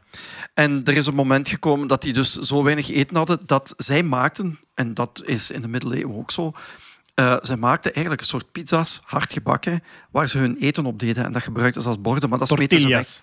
Ja, nee, gewoon hard, Tacos. Ja. Ja. whatever. En ehm, ze hadden ik- zo weinig eten dat ze daaraan begonnen te knabbelen. En Ah. toen zei hij van, hey, hier, moeten, we- hier moeten we blijven. Dit is de En plaats. En dat is Latium. Harpijen, harpijen zijn geen kleine konijntjes, hè? Harpijen zijn ehm, een ehm, soort... eh, Gevleugelde vrouwen. Vogels met, eh, vogels met een vrouwenhoofd op. En kleine konijntjes zijn lampreien. Lampreien, ja. En, dan heb je ook nog een groente. Dat, nee, dan heb je ook nog een vis. Een soort, eh, een soort vis die eh, bloed zuigt bij andere vissen. Dat is ook een lamprei. Ook een lamprei. Ja. Dus je, je weet nooit, als je een verwarren. tegenkomt, weet je nooit wat een klein konijntje is of een bloeddorstige vis. Ja, En cherubijnen zijn dikke baby's met snaarinstrumenten. ja, zijn engeltjes, zoiets. Ja, ja, met vleugeltjes. Ja, ja, volledig terzijde. Ik wou hier, blij eh, maken met, Trouwens, met eh, proto-pizza. en dat ook geleerd is eh, het woord copain, vriend. Ja. Komt daarvan, ook in de middeleeuwen werd zo een broodbord gemaakt. En je at daar samen met iemand anders uit hetzelfde bord. Oké. En dat is copain, van eet, jij eet van hetzelfde brood. Copain. Is Copain. Ja. copain. En daar komt, u, eh, daar komt het Frans, uw vriend, uw copain vandaan. Wauw. Pom, pom, pom. Bart van Loo, Ja. Bart van Loo. Ik geloof dat hij het verteld heeft Ja, over ja, de Bourgondiërs. zelfs- Dat is van de de. Daar wordt dat verteld. Wat is er heerlijker dan een etymologische aha-erlevenis? Tuurlijk. Ja, dat is Zeg maar, elke pizzeria die zichzelf serieus neemt, moet nu toch die fresco bekijken en een soort van bewerking pizza op zijn... Pizza Pompeii. Ja, Max Miller heeft het dus. Er is Ja. een YouTuber, Pizza Max Miller. Tasting History, die heeft dat. Hij is trouwens een garum bezig. Hè. Ik moet zeggen, eh, Jeroen, ik kan u vertellen, ik heb in mijn studententijd regelmatig pizza Pompeii gegeten. Dat is, Eh, een- dat is een pizza die te lang in de oven Ja, gezeten ja. heeft en zwart geblakerd is. Ja. En dan toch nog waar op dan, het waar dan ook zo gasholtes, eh, Ja. mensvormige Ja. gasholtes in We schrapen dat Ja. zwart daarvan af. Waarom staat hier KVK-nem naast mijn pizza? Over naar de keiharde fysica, want Bart, er is zwaartekrachtsgolven nieuws. Ja. Namelijk, Zwaartekrachtgolven, nieuws. Boing.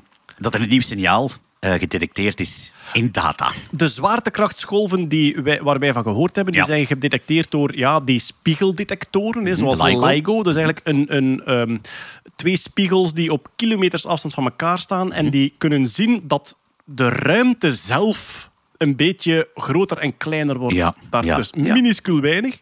Maar dit was een andere methode.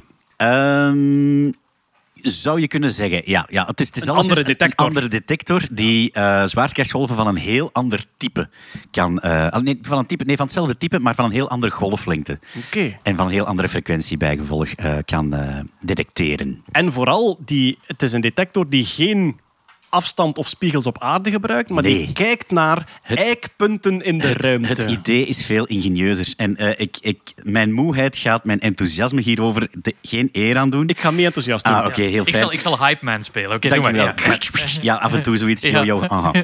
Ehm, nee, het, het zotte is dat het idee, dus, dus het conceptuele idee van deze detector tussen aanhalingstekens, is, eh, bestond eigenlijk al in de eh, late jaren 70. Toen is er een paper verschenen, ik weet niet meer wie dat hem geschreven heeft, maar daarin werd ehm, geopperd van alle spacecraft die dat wij uitsturen, kunnen wij eh, de elektromagnetische signalen dat die terugzenden of de telemetrie dat wij daarmee hebben, kunnen wij dat niet gaan gebruiken om te kijken of dat daar timingsverschillen of timingsafwijkingen in zitten. Of de ruimte tussen Ja. ons en de Voyager Ja, groter en kleiner wordt. groter en kleiner wordt. Want dat is, mocht er tussen ons en Voyager een zwaartekrachtsgolf eh, passeren, Ja. dan gaat die ruimte uiteraard krimpen en uittrekken en krimpen en uittrekken. En dat zouden we kunnen zien aan het signaal dat Voyager ons stuurt, aan de telemetrie met dat, met dat toe. Als die, als die een metronoom zou hebben, dan zouden we Ja. Sommige tikjes gaan verder uit elkaar Ja, liggen en dichter. Exact, Ja, exact.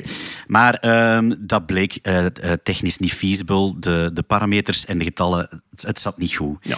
Ehm, maar daar is wel de basis gelegd voor deze detector, zogezegd. Wat is deze detector? Dat is een pulsar timing array. De Ja, pulsar. de het pulsar, woord, het ja. woord is gevallen. Ja. Eh, pulsars zijn de metronomen van de sterrenkunde. Ja, ja, ja, ja. ja. Ehm, eh, soms als een, als een neutronenster eh, na een supernova kan je som, een, een soort heel compacte ster krijgen. Mhm. En dan spreken we een diameter van kilometers, grote orde ja, kilometers. enkele tientallen kilometers, ja. En oké, je hebt een enorme ster. Mhm. Die draait rond haar as. Als die opeens implodeert tot iets van een paar kilometer diameter, dan moet je je voorstellen, je kent het typische, de eh, ijsschaatser die met de armen wijd draait en die dan de armen intrekt, waardoor die sneller begint te draaien. Ja. Als je dit nu op de grootte van een ster doet, je hebt dus een, een ster van honderdduizenden kilometers eh, diameter, die implodeert tot een ster van kilometers diameter. Die draaisnelheid is immens. Ja. Daarbij komt nog dat die ehm, bepaalde magnetische stralen... Zijn, zijn, is het magnetisme dat die uitstuurt? Ja, ja, ja, ja. Die pulsars, ja? Ja, ja, ja. dus die, die sturen ehm, elektromagnetische golven uit in een zeer wijd bereik. Dus dat gaat van radiogolven tot x-ray. Maar het zijn de radiogolven die interessant zijn. Ja. Omdat we... We hebben heel veel telescopen op aarde. Heel veel radiotelescopen. En ehm, het- de kans is dat de kans zeer klein is dat de as la- eh, waar langs ze die golven uitzenden, dat die zou samenvallen met de rotatieas. Dat is niet het geval. Ja, want als die samenvalt met die rotatieas, heb je gewoon één signaal omhoog, eentje je- naar beneden en de rest draait daar dat, rond. dat zou, dat zou een, mocht, mocht je dan in die straal hangen met uw planeet, Ja. dan zou je gewoon een permanent licht zien. Voilà. Maar dat is niet het geval. Dus je hebt eigenlijk een hoek tussen die draaias en die as langs waar het licht schijnt, het Ja. elektromagnetisch licht schijnt. Dus je krijgt een soort van tollend licht, een zaklamp of een vuurtoren in de ruimte. Ik ga, mij, ik ga mij toch in het moeras van de metaforen wagen, Ja, eh, Bart. doe Eh, maar. Ik was ook aan een... Onbezonnen, wil inter- ik erbij Ja, zeggen. Een intergalactische pinker Onbezonnen. aan het denken, ja. Er staat een, er staat een ijsschaatser die pirouettes draait. Ja. eh, in het pikken donker, Ja. op vele kilometers afstand van u. Maar die heeft een zaklamp Ja. die die eigenlijk recht naar voren richt. En dus tijdens het draaien, als jij daar heel ver van af staat, dan ziet je aan een bepaalde frequentie pinkskes Ik komen. kan nog beter Ja. maken. Hij heeft zo'n hoofdband op met een lampknop, Een want dan kan, hij zijn koplampje, arm, dan kan hij zijn armen in en uit doen voor, eh, voor te draaien. ja, maar de pulsar heeft de armen altijd in. Hè. Die, Ah die, varieert niet meer. Ehm, en de pulsar die zendt flitsjes naar ons in, het, eh, in de grote orde van de milliseconden. Dus die draaien Er- zijn er die, honderden keren per seconde rond hun Ja, as. ja, ja, ja, ja. Dus enkele honderden keren per seconde draait hij rond zijn as, wat dat ongelooflijk is, want dat is, dat is een massa die zwaarder is, of dat is meer massa dan onze zon. Ja. En het zit in, eh, op, op een vierkante 100 kilometer. Ja, ja, gecompacteerd. Maar dus, ehm, het zotte is dat die, die daar rondwentelen, dat draaien, dat is bijzonder nauwkeurig. Dat is een bijzonder stabiel systeem. En tot voor, ik heb het moeten opzoeken, maar tot voor 2012 was dat een, nauwkeurigere klok dan de cesium-atoomklokken. Is het echt? Ja. Dat is ambetant. Ja, ja. Daarna is er een revolutie gekomen in atoomklokken en zijn ze op de tweede plaats gekomen. Maar dat geeft wel een soort van kwalitatief idee van wat, allee, hoe, hoe bijzonder nauwkeurig dat die zijn. Ja, ja. Dus ehm, wat is nu een pulsar timing array? Ehm, een array wil gewoon zeggen dat het over veel telescopen tegelijkertijd gaat. En die meten dus allemaal die timings van die lichtflitsjes van al die pulsars die binnenkomen. Alle metronomicus uit de ruimte. Alle, ja, Ja. ja. Eh, in dit geval een, een, eh, een zeventigtal. Wat zijn we daar nu mee? Dat zijn dus klokken aan de hemel. Meer bepaald bevinden deze 70 pulsars zich ehm, in een van, of in, binnen onze galaxie. Dus dat is eh, binnen, laten we zeggen, een 100.000 lichtjaar. ja, hè, 100.000 diameter, lichtjaar, ja. zoiets. Ja, ja. Er wordt al ehm, een goede 40, 50 jaar gekeken naar die timings. Oké. En wat hebben ze nu ontdekt door die data te analyseren? Dat daar een eh zwaartekrachtsgolf signaal in verborgen zit. Ze zijn echt gaan terugkijken. Wel ja, ja. Dus het is, het is data-analyse van een dataset van 15 jaar. Van een, ehm, het zijn- het zijn telescopen, Green Bank-telescoop, de Arecibo, die we nog kennen. Die Eh, kapot is nu intussen. kapot die ondertussen ja. kapot is, die heeft ook eh, meegemeten. En dat een Very Large Array. Maar er zijn ehm, ondertussen ook nog andere arrays van over heel de wereld die hun data eigenlijk ook eh, mee in die dataset Ja. eh, gegooid hebben. En dus zoals dat we bij LIGO daarnet uitgelegd hebben, de, ruimte tussen die twee spiegels van die armen, die krimpt en die zet uit en die krimpt, die zet uit. Daardoor ga je ehm, verschillen in de timing zien van de laser die daar heen en weer gaat. Hier net hetzelfde. De, de ruimte tussen de aarde en eender welke pulsar, die zal kleiner worden, groter worden, kleiner, groter, groter worden.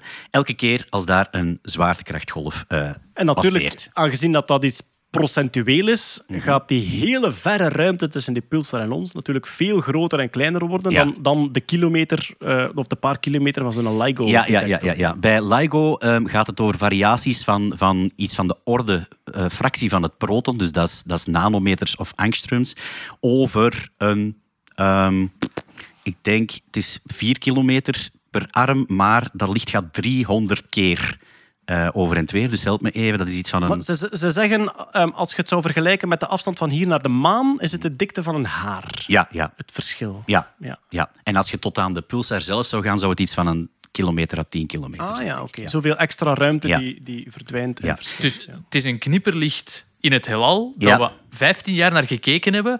En dat knipperlicht doet normaal altijd om de 10 seconden knipper. Milliseconden, de, ja, ja, oké, Ja. maar ik, ik, ik, ik, ik, even in Ah, je bent in het metafoormoeras. Ja, metafoor. Stel dat ik een, ja, ja. een man ben met een chronometer op Maak de, op het de nu niet begrijpbaar voor de luisteraar, Jeroen, want dat Ja. haat ik. En eigenlijk door die 18 jaar opgenoteerd in mijn kladblokje te vergelijken, heb ik Ja. gezegd van oké, toen was hem eens 10,01 seconden. En dan weer 9,98 seconden. Hier is iets gebeurd. Hier De is iets gebeurd, ja. Voilà, ja. Maar wil dat dan eigenlijk zeggen dat in die data de zwaartekrachtsgolf gezien is nog voordat LIGO hem, ontdekt heeft? Het ding is, zij, het was een nek-aan-nek race Allee. destijds. Ja. En zij ehm, dachten toen, we hebben signaal. Maar daar zat een soort van, ja, het is, het is zo... Je moet die berekeningen allemaal ehm, herwerken naar een bepaald, laten we zeggen, het zwaartekrachtspunt van je zonnestelsel. Anders krijg je storing ja, daarop. want, want Ja. had daar niet de exacte positie van Jupiter iets mee te maken? Exact, exact.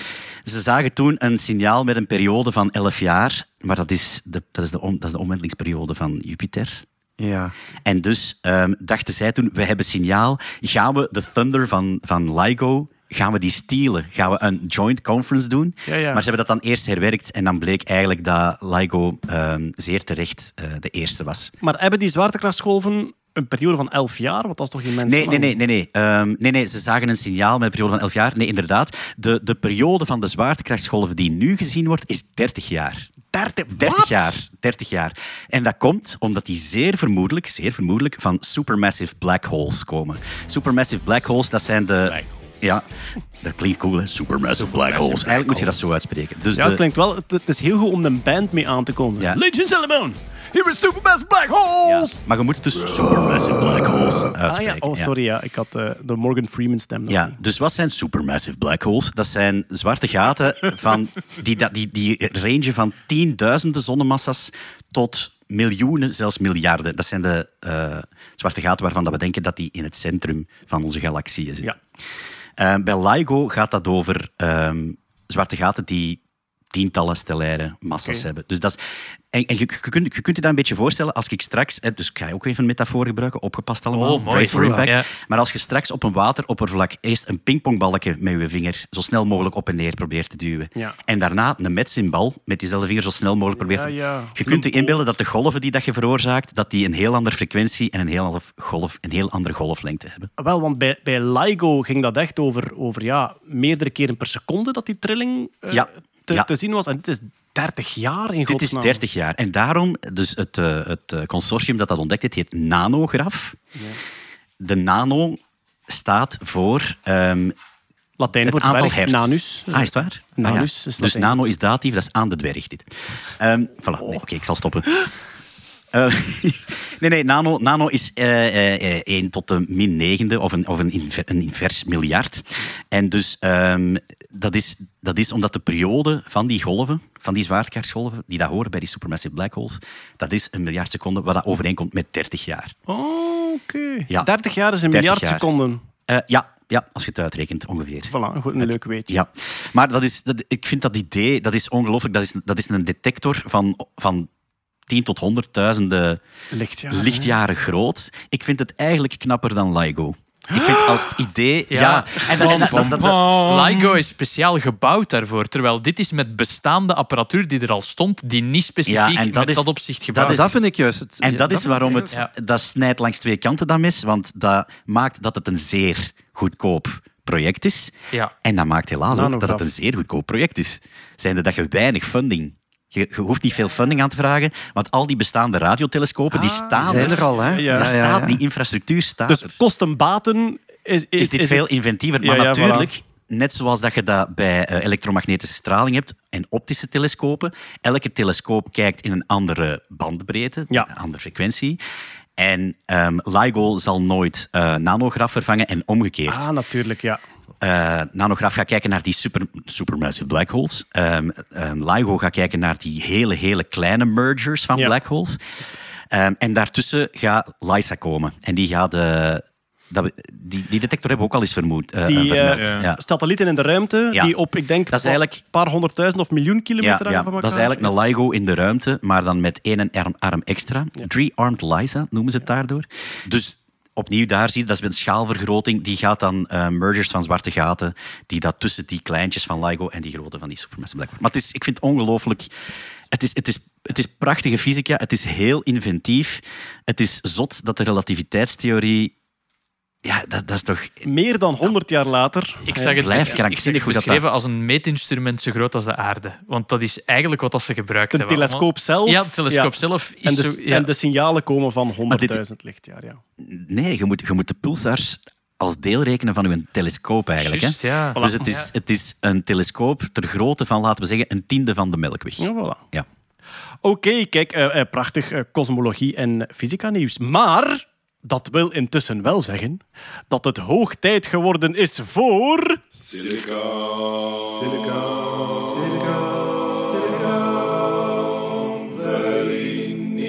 Oké, Silicon Valley nieuws. Ehm, we hebben een concurrent van Starlink. Hè, dus Starlink, het internetsysteem dat eh, SpaceX gelanceerd heeft met heel veel kleine satellietjes. Daar is een concurrent van, die heet Viasat. En Viasat heeft een compleet andere strategie. In plaats van duizenden kleine satellietjes in low Earth orbit, dus 3 à 400 kilometer hoog te sturen, gaan zij een paar joekels van satellieten geostationair hangen. Dus echt, eh, in plaats van duizenden zijn het drie satellieten die ze nodig hebben. En geostationair wil zeggen, je hangt altijd boven hetzelfde punt van de aarde. Dus de, de, de omlooptijd van de satelliet is even lang als de omwentelingstijd van de aarde, waardoor dat die altijd boven hetzelfde punt hangt. Heel interessant voor tv-satellieten, omdat je dan je schotelantenne niet moet verdraaien tijdens de dag. Die kan gewoon altijd naar hetzelfde punt eh, wijzen. Dat is op 35.000 kilometer hoogte. Daar is de geostationaire baan, die zeer geliefd is, zeer gewild, maar er is ook enorm veel plaats, hè, want je hebt een cirkel met een straal van 35.000 kilometer. Dus eh, Viasat wilde één satelliet boven Amerika hangen, één satelliet boven Europa En dan nog eentje boven Azië. Zodanig dat of, eh, of wacht, ofwel was het Europa-Azië eentje en Afrika eentje. Ik weet het niet juist meer. Drie grote satellieten ehm, die communicatie met de aarde konden voeren in eh, de grote orde terabit per seconde. Waardoor dat je dus eigenlijk breedband internet met een schotelantenne kon krijgen. De eerste satelliet is gelanceerd met een Falcon Heavy in mei. Die hangt nu op zijn plaats. De antenne geraakt niet uitgeklapt. Eh, wie valt binnen? Ja, zo. je, hebt zo, je hebt zo die blauwe pilletjes. Jawel, ja. Dus die Viasat 3 die Amerika moest bedienen, die hangt nu op 35.000 kilometer van ons. Het project kost 700 miljoen dollar. We zitten in de buurt van het miljard. En omdat één antenne niet uitklapt, en het is de, de reflector, dus eigenlijk het schotelgedeelte van de schotelantenne. De, de antenne zelf, die het signaal stuurt en verzendt, zit niet in die schotel, maar zit in dat klein staafje dat ervoor hangt. Die schotel dient om dat met een parabolische eh, reflector, paraboloïde, eigenlijk eh, geconcentreerd van en naar de aarde te sturen. En die reflector doet het niet. Dus ook softwarematig kunnen ze geen commando's sturen om dat op te lossen. Of... Alles is kapot. Ja. Ik, denk, ik zie dat jullie allemaal hetzelfde denken, maar we gaan een paar boorplatformwerkers moeten opleiden tot astronaut. I could stay awake. Just Het is, het is echt nutteloze satelliet nu. Ze kunnen er niks mee. Die kan Het niks is nemen. duurbak zijn. Dat is eh, ja, eh, 700 eh, miljoen dollar. Eh, maar de verze- ze zijn verzekerd voor 430 miljoen dollar. Dat valt dan mee. Dus ze zouden 430 miljoen van de verzekering krijgen. Uiteraard gaat die verzekering er alles aan doen Om niet dat, te betalen. ja, om dat ergens op af te schuiven of gelijk wat. Zoals bij ons eigenlijk. Is dat ook zo, ja, bij jullie? Verzekeringen doen toch altijd moeilijk? Ja, ja, ja. in het algemeen. in het- in het- Ja, ja, in ja. het- algemeen. In het privéleven. Ja. Ja, ja. In het privéleven. Ja, inderdaad. geen- zebravissen ontsnappen. Ah, maar je hebt gelanceerd met een Falcon Heavy. Ja, maar ja. Wat vind ik schoon aan dit verhaal? Ehm, die satelliet hing al een tijdje op zijn plek. Het feit dat er iets aan de hand was, wou het bedrijf Viasat natuurlijk niet wereldkundig maken, omdat dat nefast is voor de beurskoers, zoals ook gebleken is op het moment dat nieuws naar buiten kwam. Er zijn nog, er zijn nog reddingspogingen bezig, maar de, de slaagkans is heel klein. Het feit dat er iets mis was, is ontdekt door Scott Tilley. En Scott Tilley is een amateur-astronoom.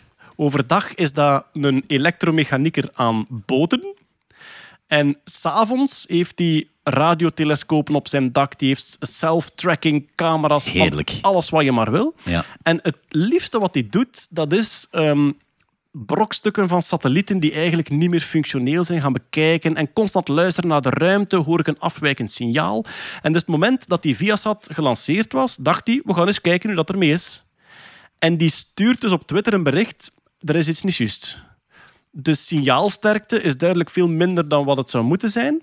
En zegt hij, de signaalsterkte oscilleert, die wiebelt. En dat zou eigenlijk niet mogen voor het soort satelliet dat het is.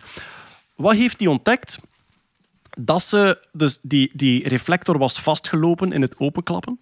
Wat hebben ze gedaan? Ze hebben die satelliet laten manoeuvreren door die reflector ehm, in en uit de zon te draaien. Om die eigenlijk op te warmen, af te koelen, in de hoop dat er zoiets ging losspringen.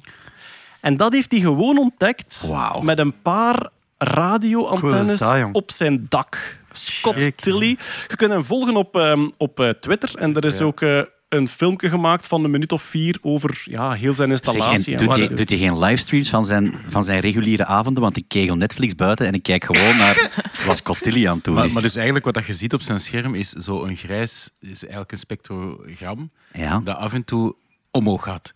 En dan, hoe, hoe, wat gebeurt er hier? Ja. ja, dat is heerlijk. Dat is, Maar- maar, die visbel van vorige keer. Ja. Ja, maar het klopt wat je zegt, want zelfs momenteel op de website van Viasat staat er nog altijd successfully launched. ja, maar de, hij is succesvol. Dat is gelogen. Nee. Gelogen is natuurlijk, maar voor de rest staat er niks op. de beurskoers is ook al gekelderd. Oh, maar die wordt toch ook verguisd door zo alle duur betaalde leden van het damage control communicatief team van oh mannetjes. Ja, voilà. In de, in de kantlijn, NASA heeft ook een nieuw project waarmee ze een hoop eh, microsatellieten in de baan rond de aarde gaan brengen. De naam van het project vond ik heel grappig. Starling. Starling. Starling, ja. Mus.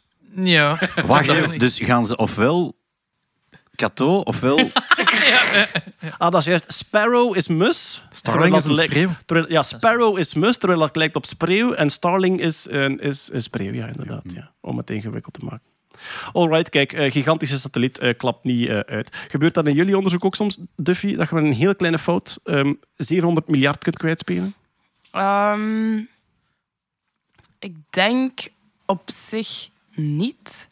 Ehm, behalve als blijkt dat je eigenlijk iets ziet dat er niet is en dat je daar constant op verder werkt en toch maar dingen ziet. Heel langdurig blijven werken op een fout, ja. Ja, en ja, ik denk dat dat dan ook gewoon niet meer integer is als je weet van, oh ja, maar dit is misschien niet juist, maar ik doe mijn analyse zo en dan zal het wel juist zijn. Dat bewust, bewust bijgestuurd kan worden. Hoe kostbaar zijn die zebravissen? Wat als er daar iets mee zou gebeuren? Er, Ah, er, ja. er, er, er- er lekt een tank, of die vissen ontsnappen, of ja, weet ik veel. Of worden gekidnapt. Of jij hebt ze verkeerd gevoederd.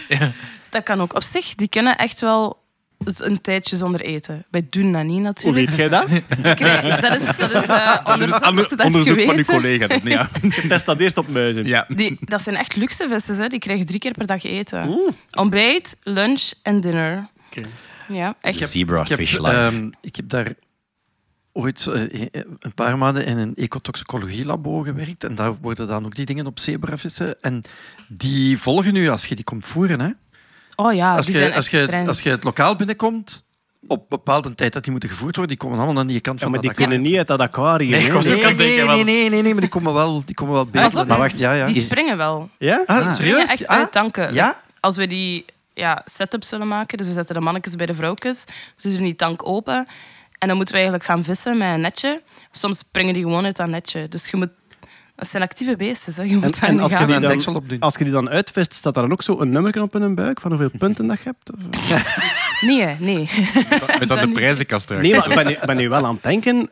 Een vis van een bepaalde genetische lijn die in een ander aquarium zou Dan heb je een springen. probleem. Ah ja, dat is Ja, wel ja, een ja, ramp natuurlijk, natuurlijk. hè. Ja, we zorgen wel dat we dat in de gaten houden. Ook altijd maar één tank per keer. Ja. Ehm, en ja, als er een vis toch zou uitspringen of zo, dan eventueel apart zetten, genotyperen en dan pas weer bij de juiste tank zetten. En misschien ook eens... genetisch testen voordat hij terug in een aquarium mag. Ja, echt kijken of die een andere mutatie heeft. Want ja, als je begint te kruisen, Ja, tuurlijk. ehm, dan kan het zijn dat je een andere ja, genetische achtergrond hebt. Bij muizen gebeurt dat ook soms. Dat je Ja. twee ja, aparte mutaties eigenlijk bij elkaar zet. En daar doe je dan heel veel experimenten mee. Uiteindelijk blijkt het dat verkeerd is. Ja, dat is allemaal voor de vuilbak. Hè. Ik weet dat je heel veel aquaria hebt in je labo, maar ik zou toch zorgen dat er in elk aquarium een nadenkhoek is. Voor zo, als, als een vis toch... Hè, je hebt gezegd dat hij het niet mag doen en hij doet het toch... Dat, hem, dat je hem toch even naar de Even op nadenkhoek... het bankje. Even naar de nadenkhoek. Ja. Ga maar naar het denkkasteeltje. En denk eens na over wat je had kunnen veroorzaken. Alright, eh, volgende nieuws uit Silicon Valley. De eerste Cybertruck is van de band gerold. Dus de Cybertruck, we hebben, Wacht, dat klinkt als een accident. Nee. we, we hebben de Cybertruck eh, het eerst voorgesteld gezien. Is het al twee jaar geleden, drie jaar geleden? Langer, jaar geleden. langer, denk ik. Langer. Ja. Vier Ja. jaar geleden. Voor de coronapandemie. Och, ja, Ja, voilà. Vier jaar Eh, geleden. maar eh, die zou dus nu aan de lopende band letterlijk geproduceerd moeten worden in de Gigafactory in Texas van Tesla. En de eerste is daar eh, een paar dagen terug van de band gerold. Eh, een prachtige foto op Twitter gepost natuurlijk. Hij had wel een barst in zijn raam. Oh, ja, Ja. waarschijnlijk. Ehm, en de eerste leveringen, volgens schattingen, want het is geen officiële communicatie, zouden eh, eind dit jaar, dus eind 2023, moeten gebeuren. Dat zou willen zeggen dat wij... Ja, ik weet niet hoe dat zit met Europese ehm, leveringen, maar dat zou willen zeggen dat wij voorjaar 24 een cybertruck kunnen tegenkomen op onze Belgische autostrades. Ik ken iemand die er ene besteld heeft.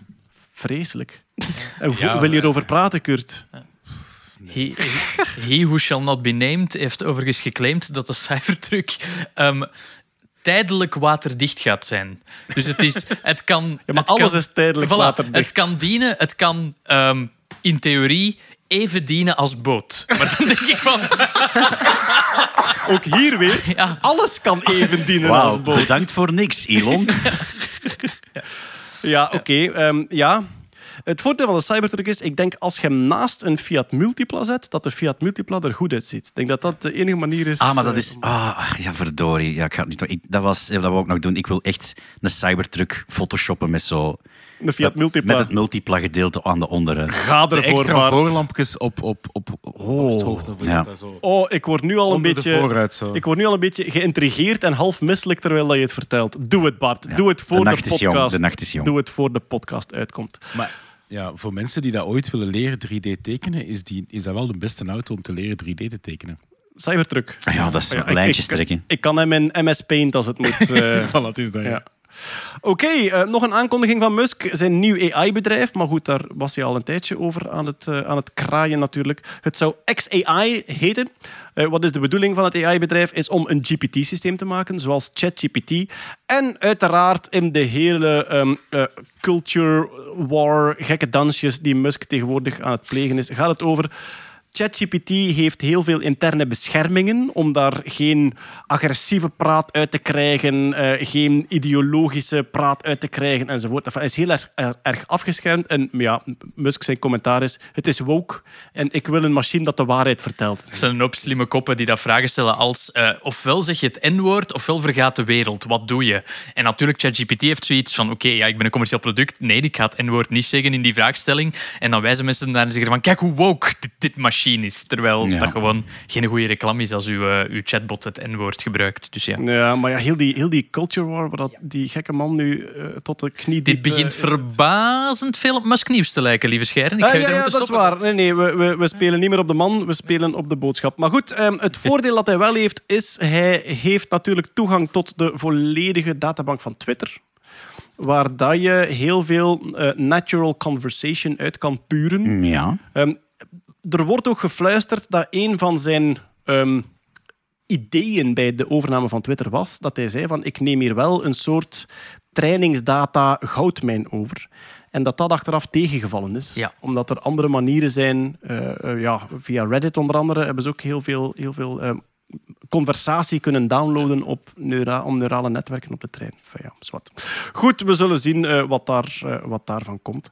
Eh, in hetzelfde genre, ehm, nu we het toch over Twitter hebben, eh, Threads is gelanceerd. En Threads, je schrijft het niet met een Z op het einde voor de mensen Nee. die te veel streamen. Nou, dat zou te hip geweest zijn. Ja, voilà. Je leest dat precies een beetje als Stewie van... eh, Wat hè? Threads. Threads. Oh, you- oh, oh my god. De volledige, de volledige naam is Threads, een Instagram-app. En dat Ja. zegt eigenlijk meteen wat dat het is. Het is een poging van Meta, dus Mark Zuckerberg en co, om ook een soort van eh microblogging-platform te lanceren, genre Twitter.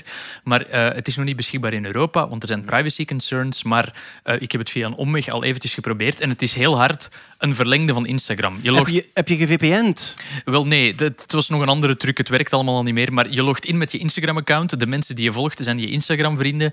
En de hele ehm, sfeer en laten we zeggen ondertoon is heel hard. Ehm, het is niet zoals Twitter van ik ga mijn sappige mening geven over de migratiepolitiek van België. Maar het is eerder van dit is een leuke coffeeshop, hashtag love coffee. Dus het, het wordt ook heel anders in de markt gezegd Ja, dan, dat- dan, dan de opinie. eh, Dus in Amerika, ik denk in de UK ook, is het al beschikbaar. Europese Unie nog niet. Jij zegt net privacy concerns. Ja. Ik denk dat er ook monopolie-problemen spelen, omdat aangezien dat zowel WhatsApp als Facebook als Instagram als de Twitter-clone van hetzelfde, dezelfde koepel zijn. En het feit dat veel- die data zouden uitwisselen met elkaar is ook een problematisch. Maar wat dat ik interessant vind aan Threads is, en ongelooflijk dat ik, dat ik het van een bedrijf als Facebook moet zeggen, maar het is gebaseerd op een open standaard.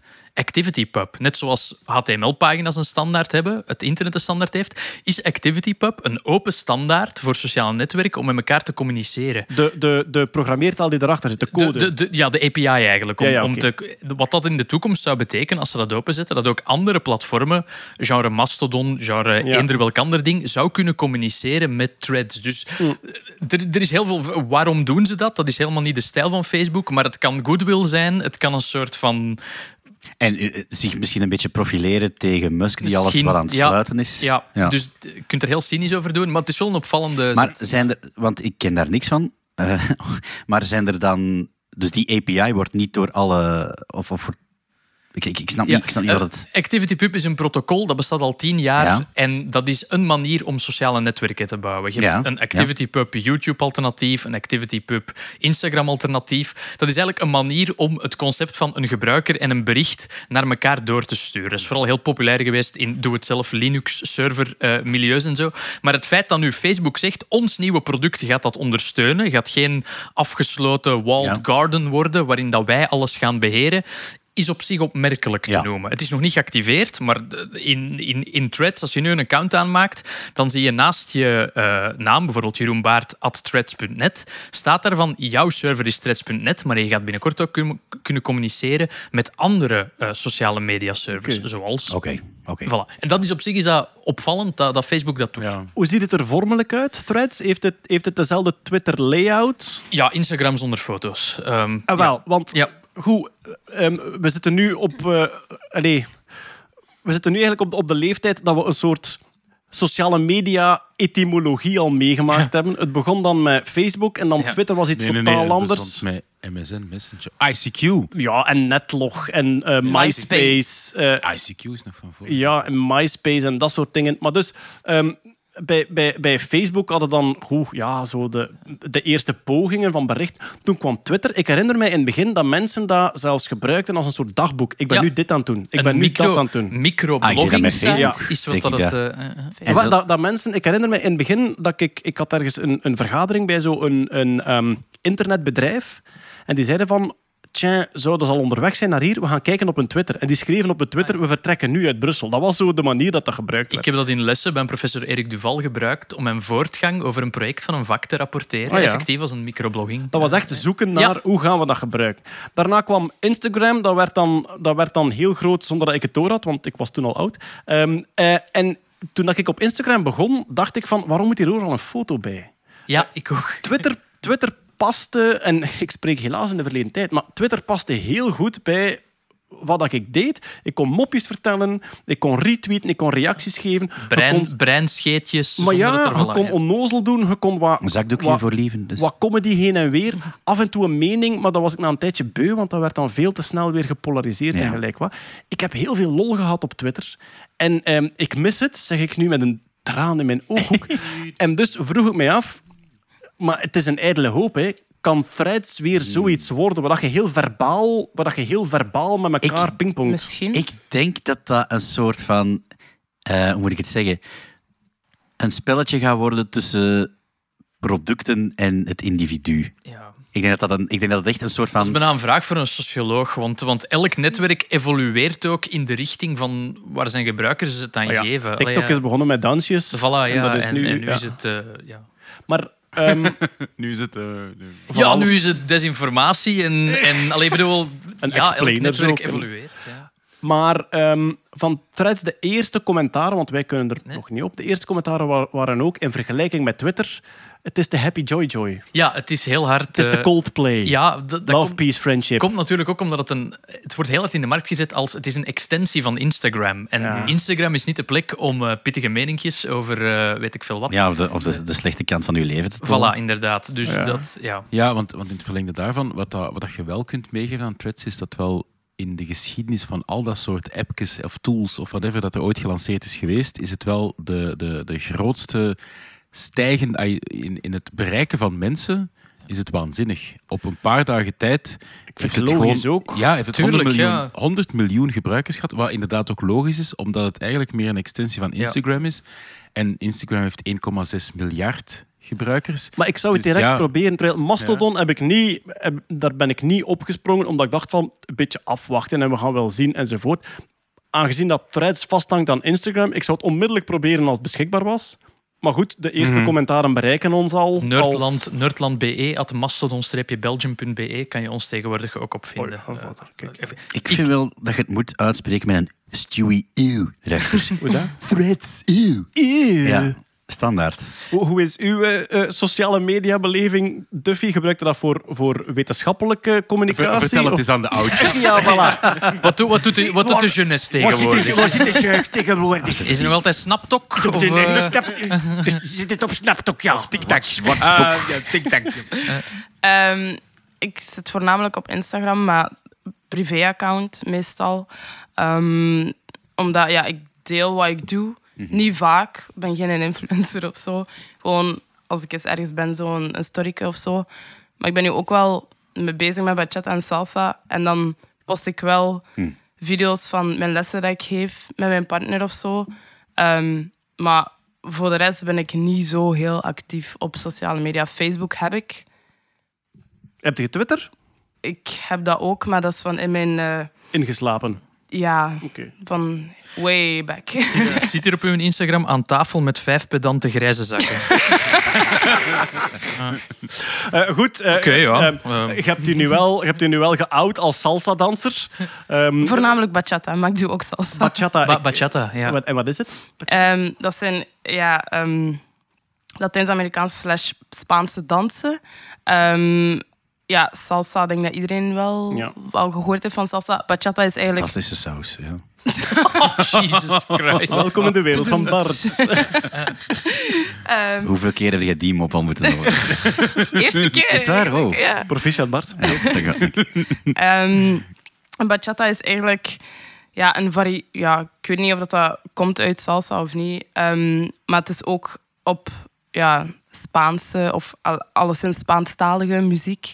Ehm, zo, kennen jullie Rosalia? Ja, ik ben daar- een grote fan van Ik ben Rosalia. bijna te oud, Ja. maar ik kan het nog net. Ja. ja Rosalia. Wel, zij maakt bachata ehm, muziek Ah, ja. bijvoorbeeld. Alleen niet alleen, maar Alleen merendeel. Ik lees hier slower with a more romantic feel Ja. tegenover salsa. Is het over het Ah. algemeen ja, trager? klopt, ja, klopt, oké. klopt. ah, ja, Je hebt ook ben, een... een ja, Kurt ja. is een instructiefilmpje aan het... eh, ik ben dus ik nu naar een gele robot aan het kijken die dat de basisstapjes paso basico de bachata. Basico, ja. Echt zo de, de nerd approach van... eh, hoe werkt dansen? Ja, maar Eigenlijk, eigenlijk zijn die twee stappen naar links en twee stappen naar rechts en ik denk, ik kan dat niet. Jij bent waarschijnlijk nu de XYZ-coördinaten van je voeten aan het eh, Ja, uitlezen. Ja, absoluut, Eh, maar eh, een belangrijke vraag. Eh, ga je meedoen aan eh, eh, Dance, Dance My PhD, Ja, Dance ja. Your PhD. Oei, bestaat? Ja, ja, ja. ja. Ik Er is een wedstrijd en die heet Dance Your PhD. En dan is de bedoeling dat je op het einde van je doctoraat eigenlijk je doctoraat danst. Ja. En bij ja. sommigen is dat... Enfin, eh, ik herinner mij één winnaar en die had het over het paargedrag van de fruitvlieg. Ik kan mij daar wel iets bij voorstellen. Eh, maar er was ook iemand die eh, echt eh, een kosmologische publicatie eh, gedanst heeft. Je hebt alle, alle artistieke vrijheid om dat in metaforen te trekken enzovoort. Maar eh, wat denk Amai. je? Dance Your PhD. Ik zou die uitdaging wel aangaan. Alright. Alright, we hebben het, we hebben het. You've heard it here first, ladies and gentlemen. Over twee jaar staan wij aan uw deur. Hè? Duffy Nee, nee, nee, Straba. Drie, drie. Drie? Ah, ja. Enfin, Misschien vier. ja, oh, ja. Wel, met de danser erbij vier. Oké. Dat is de reden dat ik mijn PhD niet afmaak. Ik kan niet dansen. en niet, eh, Dat is de reden waarom ik mijn studie niet af. Ehm, we, ze hebben nog één Silicon Valley nieuwsje staan en dat is eh, Sorry, Virgin... liever maar. Dance your, dis- dance your licentiaatsdiploma. Dat is inderdaad, ja, zo, ja. Nee, dat klopt. Het mondeling examen van professor Ferdinande dansen eh, lijkt mij nu niet echt eh, ja, de planten verwelken als ik eraan denk. Ehm, nog één Silicon Valley nieuws en dat is eh, Virgin Galactic heeft zijn eerste commerciële vlucht gedaan met ruimtetoeristen. Dus Virgin Galactic, Ah. de, ja, dus het, het Richard Branson, eh, goh, mensen die net de dampkring verlaten. Hè. Ja, dampkring, zelf, nee, zelfs dat niet. Ah. 80 kilometer hoog gaan ze. Oké. Hè, Dus eh, de definitie van de ruimte is 80 kilometer hoog. De- ja, een van de definities. hè. 80 kilometer hoog in de USA en 100 kilometer hoog in de rest van de wereld. Eh, ehm, goed, heeft te maken met miles en kil- kilometers. Ehm, maar Richard Branson heeft destijds eh, net voor Jeff Bezos zijn eerste ruimtevlucht gemaakt hè, met dat dingetje, omdat hij net voor wou zijn. hij Ook wou net hij- eerst zijn, ja. hij wil, hij wil vooral eerst zijn omdat hij maar 80 kilometer hoog gaat en Bezos effectief 100 kilometer hoog. Ehm, een ruimtevlucht. Het, het is heel dat systeem van een klein raketvliegtuig dat onderaan een groot vliegtuig hangt. Je stijgt op van een gewone luchthaven. Het gewone vliegtuig gaat eh, meerdere eh, tientallen kilometers eh, in de... Nee, ja, gaat meerdere kilometers in de lucht. Dan wordt het raketvliegtuig losgelaten en dat gaat dan keihard omhoog gestuurd worden. Dan gaan de motoren af en dan maak je een lange paraboolvlucht terwijl... Ja. en in die paraboolvlucht ben je gewichteloos ten opzichte van het ruimte. Ik heb dat nooit eerder bedacht, maar ik vind dat eigenlijk heel Thunderbirds-achtig. Dat is heel Ik, maar ik Thunderbirds, blijf, ik blijf Branson ook mailen. Combineer dat met een gewone lijnvlucht. Dus dat je vertrekt met een gewone lijnvlucht en die raket daarop. En dat je van, ja, vandaag vliegen naar New York. En ergens halverwege smijten we deze mensen richting de atmosfeer. Dat zijn er zo drie met een speedypas. Ja. Eh, goed, die eerste vlucht waar dat hij zelf in zat, eh, die was dan, denk ik, twee jaar terug al, of het was iets van, eh, van die orde. En nu is er dus een eerste echt commerciële betalende geweest. Ehm, drie Italianen aan boord, van de luchtmacht dan nog. Hè. Dus het was echt een soort eh, ja, eh, prestige dingetje.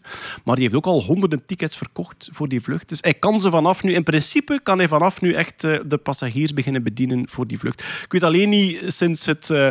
ehm, sinds het eh, onderzeeër naar de Titanic-incidentje, of dat de miljardairs nog zo gretig zijn om dat soort avontuurlijke reisjes op hun verlanglijst te zetten. Enfin, we zullen wel zien. Oké, dat was alles qua eh, Silicon Valley nieuws. Dus wij kunnen verder met onze gewone wetenschapsnieuwsjes, die we er uiteraard, zoals we ons altijd voornemen, aan een rotvaart gaan doorjagen. Eh, Peter, we gaan beginnen met de rechtzetting. We hadden het over chimeramieren. Ja, het is niet echt een rechtzetting, het is eigenlijk een aanvulling. Hè. Een- hoe zal ik zeggen? Mijn, mijn uitleg in mijn enthousiasme had ik één cruciaal onderdeel gewoon vergeten. Eventjes heel kort. Chimera's eh, hebben Chimeras. eigenlijk twee celsoorten in één lichaam. Ja. En we hebben daar toen heel die uitleg van gegeven. Ja, en maar het, ging, het ging dan over dat eh, koninginnen en werksters van mieren van verschillende stammen afhangen of afkomen. het ging vooral over bevruchte eieren en Ja, onbevruchte. ja, ja. En dat had er dan ook mee te maken dat die mannetjes daar een rol in speelden. Ja. Maar ja, dat is al eerder gezegd, eh, bij mieren, wespen, bijen zijn de mannen haploïd, dus die komen uit onbevruchte eicellen en de vrouwen zijn diploïde, die komen uit bevruchte cellen. Haploïd, je hebt één set chromosomen. Ja. Diploïd, zoals wij mensen. Je hebt Ja. van elk chromosoom heb je dubbel. Je hebt twee Ja, sets. en door meiose krijg je dan ehm uw, uw voortplantingscellen, die worden dan eh haploïd. Wat is meiose? Meiose is dan een speciale soort celdeling die eigenlijk... ehm, in, wacht, zijn we nu zo? Ja, meiose. Ja, ja, hè? meiose Ja, ja, is, het is, eh, eh, ja. Mitose, mitose is de gewone celdeling. Ja. Meiose is de celdeling waarbij je dan uit diploïde cellen eigenlijk haploïde cellen... Duffy knikt, dus ik vertrouw eh, wat je Ja, zegt. ja, ja. Ja, dat is waar. Weet je waar ik dat verschil geleerd heb? Nee. Dus op liftmuziek, uiteraard, in Zo werkt je lichaam. Oh, Dan, zeg, dan werd er echt geroepen, mitose. Oké. Enfin, dus uw voortplantingscellen zijn dan eh haploïd en bij de versmelting van zaad en eicel krijg je dan opnieuw een diploïde heb je weer twee sets. zygote. Eén set Ja. chromosomen van elke ouder. Yes. 23 van elke En kant. bij mieren, wespen, bijen is het zo, dat, zijn dan, dat is dan zo ongeveer de enige groep bij wie dat eh, wel zo is. Dus onbevruchte eicellen worden mannetjes, bevruchte eicellen worden vrouwen. Ja? En de onbevruchte mannetjes zijn dus haploïd. Hebben zijn maar één haploïd en blijven haploïd. Ja. En dat was het grote vraagstuk. Maar hoe kan dat nu? Hoe kunnen die mannetjes dan ehm chimeren zijn? Want die hebben dan twee verschillende, eh, hoe zal ik zeggen, afstammingslijnen in hun lichaam. Terwijl ze blijkt? haploïd zijn. Maar Terwijl het gaat, haploïd het zijn, gaat hem ja. over de mannetjes van één specifieke mierensoort. Ja, de yellow crazy ants. Yellow crazy Ja. ants, ja. En wat is nu het geval? Die mannetjes ontstaan wel uit diploïde eicellen. Dus uit een bevruchte De mannetjes van de Yellow Crazy Ant ontstaan Ja. uit bevruchte eicellen. Jongens, Ja. al voor de tweede keer stop de persen. Ja, ga allemaal zitten. Hebben ze schilden als vleugels? Nee, die hebben dat niet nee, nodig. eh, dat niet. Maar dat zijn geen kevers. Maar wat gebeurt er nu? In plaats dat die zaad en eicel met elkaar versmelten, blijven die uit elkaar. En die gaan apart beginnen delen.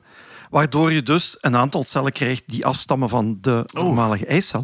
En een aantal cellen krijgt in het lichaam dat afstammen van de zaadcel. Een mozaïek. En dat geeft u een mozaïek en dat is uw chimeer. Dus het manneke is een, een niet versmolten bevruchting. Ja. Wauw. En bij gevolg dus volledig haploïd. Hè? Ja. Nog altijd. Chimeerhaploïd. Yes. Haploid, eeuw. Haploid. En ik, ik, ik snap dat Hetty er vorige keer zei van ja, ik, ik, ik, ik, ik kan niet volgen, ik snap het niet. Maar dat was eigenlijk het cruciale ding wat ik vergeten was. Dus Ja. die mannen ontstaan wel uit bevruchte eicellen. Ik vind het wel heel mooi dat je... Tot... eh, Ja, maar is, is heel is mooi. het- Ik, was niet, ik was niet incorrect. Ik was eh, slechts onvolledig. ja, ja, van- maar zijn ze, wel, zijn ze wel onbevrucht? Want eh, er is ook nee, nee, een- eigenlijk is het geen echte bevruchting. Hè? Maar ja, het, het, is, het is een ja, het is een zaadcel en een eicel die niet versmolten zijn, Ja. maar ze zijn wel alle twee aanwezig. Dus technisch gezien is het eitje wel bevrucht, maar is er geen versmelding. Dat, dat, dat, vraagt, dat echt voor een vervolg in volgende maand with the crazy yellow end. New exceptions. De Crazy Yellow Ant eh, rubriek. Maar dat is toch iets bij die life sciences en bij die genetica dat je altijd weer de uitzondering op de uitzondering, die de hoeveelheid manieren die de natuur heeft om met Om die, bepaalde dingen te jongens. doen, hè? ja, dat is ook. om met die celkern alle kanten uit te gaan, het is eigenlijk waanzin. Hè? Ja. ja. De chimere haploïde mier. Dat we dat Voilà. nog mogen meemaken. Ik heb, deze. ik heb niet zo'n spectaculair nieuws gehoord sinds de eerste mannelijke kever zonder dekschilder. Ja. Ja. Dat is waar. Dus, eh, ja. En dat allemaal op één avond. De trillen op mijn stoel. Eh, wij zijn deze week naar de film geweest. Oh ja, Ja. dat klopt. Ehm, ja, voilà. En met wij bedoel ik eh, Bart, Kurt, eh, Jeroen en eh, ik. Wij zijn naar... En Natta. En Nata ook. En Natta, ja, die er, die er nu niet bij is. We zijn naar de première van Oppenheimer geweest, zoals vorige keer aangekondigd. De film van Christopher Nolan over het leven van Oppenheimer, geniale fysicus in Amerika, die de vader van de atoombom wordt genoemd, omdat hij het Manhattan Project geleid heeft in Los Alamos. Goed, ik vraag het maar. Wat vonden we ervan? Ehm, de- ik vond die keigoed. Ah, In zeker zo als tv-maker, professioneel dan. ehm, ja, dat is een keigoede verhalenverteller.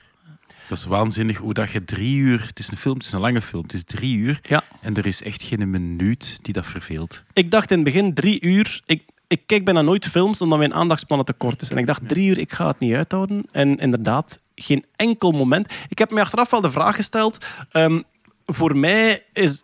Ik, ik kom veel bekenden tegen. Hè. Eh, Heisenberg passeert en Ah. Bohr passeert en Einstein.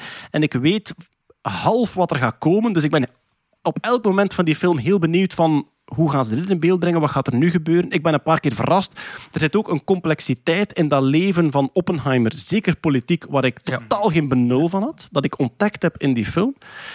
En dan vroeg ik me af achteraf, voor iemand die niks met fysica heeft en wetenschapsgeschiedenis, of dat hij ook zo boeiend is. ja, dat vraag ik mij eigenlijk Ja, ik heb ook het, ik heb het Ja. gevraagd aan een collega die, die ook op de avant-première was en die, ehm, ja, die op zich niks met wetenschap heeft en die ook totaal geboeid was, Ja, van begin tot einde. Ja. En dat is, het, dat is het toffe is van, eh, er passeren heel veel wetenschappers en je denkt van, ha, Feynman, ha, Bohr, je kent er allemaal een beetje van of iets meer of minder afhankelijk van wat dat je, je interesse zijn.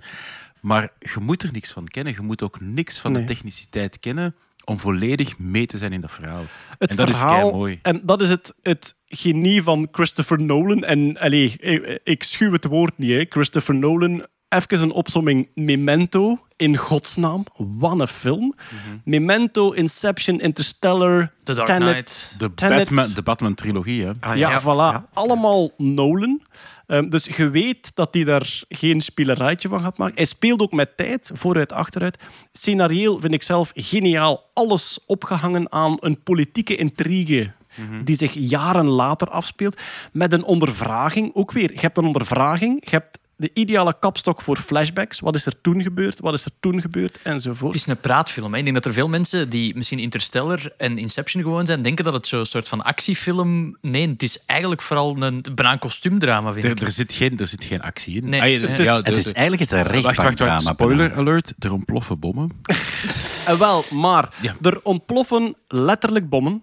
Ja. En figuurlijk wordt ook vaak gezegd het gewetensprobleem van die wetenschappers. Die stappen in een project met het idee de nazi's gaan een atoombom maken. Als Wij- wij niet wij eerst zijn, zijn, ja, als wij niet eerst zijn. Op het einde van hun onderzoek blijkt de nazi's zijn helemaal niet op weg naar een atoombom. Ze, hebben een verkeerde, ze zijn een verkeerde richting aan het Ja. zoeken. Duitsland is verslagen. Japan gaat verslagen worden. Willen we dit wapen nu wel of niet? En dan heb je een soort trolley-dilemma dat over honderdduizenden levens gaat. Amerikaanse generaals die zeggen van... Oké, als wij die atoombommen nu laten ontploffen, dan sparen we ook alle levens die in het einde van de oorlog gaan gestopt worden. Maar je gooit die echt wel op steden. Je hebt een scène waarop... En je weet nooit hoe gedramatiseerd dat is. Een scène waarop dat de Amerikaanse generaals aan het kiezen zijn uit een lijst van twaalf steden Ja, waar gaan we ja. het opgooien. Dat moet waanzin zijn om daarmee te leven achteraf. Om te weten waar dat je een kruisje en een vinkje gezet hebt. En daar wou ik toe komen. de gewetenscrisis in Oppenheimer zijn hoofd wordt audiovisueel, vind ik, heel krachtig. Dat, is- dat klopt. Getoond. Absoluut, dat, dat, Dat is, klopt. eh, Want als we de vraag dat ik krijg van, is het de moeite om hem in, in IMAX te gaan zien? Ehm, ik weet het niet. Het was waanzinnig. Bedoel, bijvoorbeeld het eerste openingsshot, en dat is geen spoiler, want dat is een beetje de foto of de affiche van de, van de film zelf, is... En daar gaan we subiet op komen, is de, de hoofdacteur zijn naam. En ik ga hem niet uitspreken, want ze spreken hem verkeerd uit. Killian Murphy. Ja, oké, voilà. Voilà, ik heb het gedaan. Maar in Gillian full- Murphy. maar in, in echt Ja. in fullscreen IMAX-formaat. ehm, die gewoon vol, volledig, eh, dat je echt zijn huidporiën ziet. Ja, dat komt wel binnen. En wel, wel want als, als mensen zich afvragen... ehm, ehm, de meerwaarde van deze in de cinema te gaan zien is volgens mij echt wel groot. Als je toch wacht tot als die op tv komt... Ik raak zelf zelden in de cinema, dus ik snap het. Ehm, geluid en beeld spelen een heel belangrijke rol.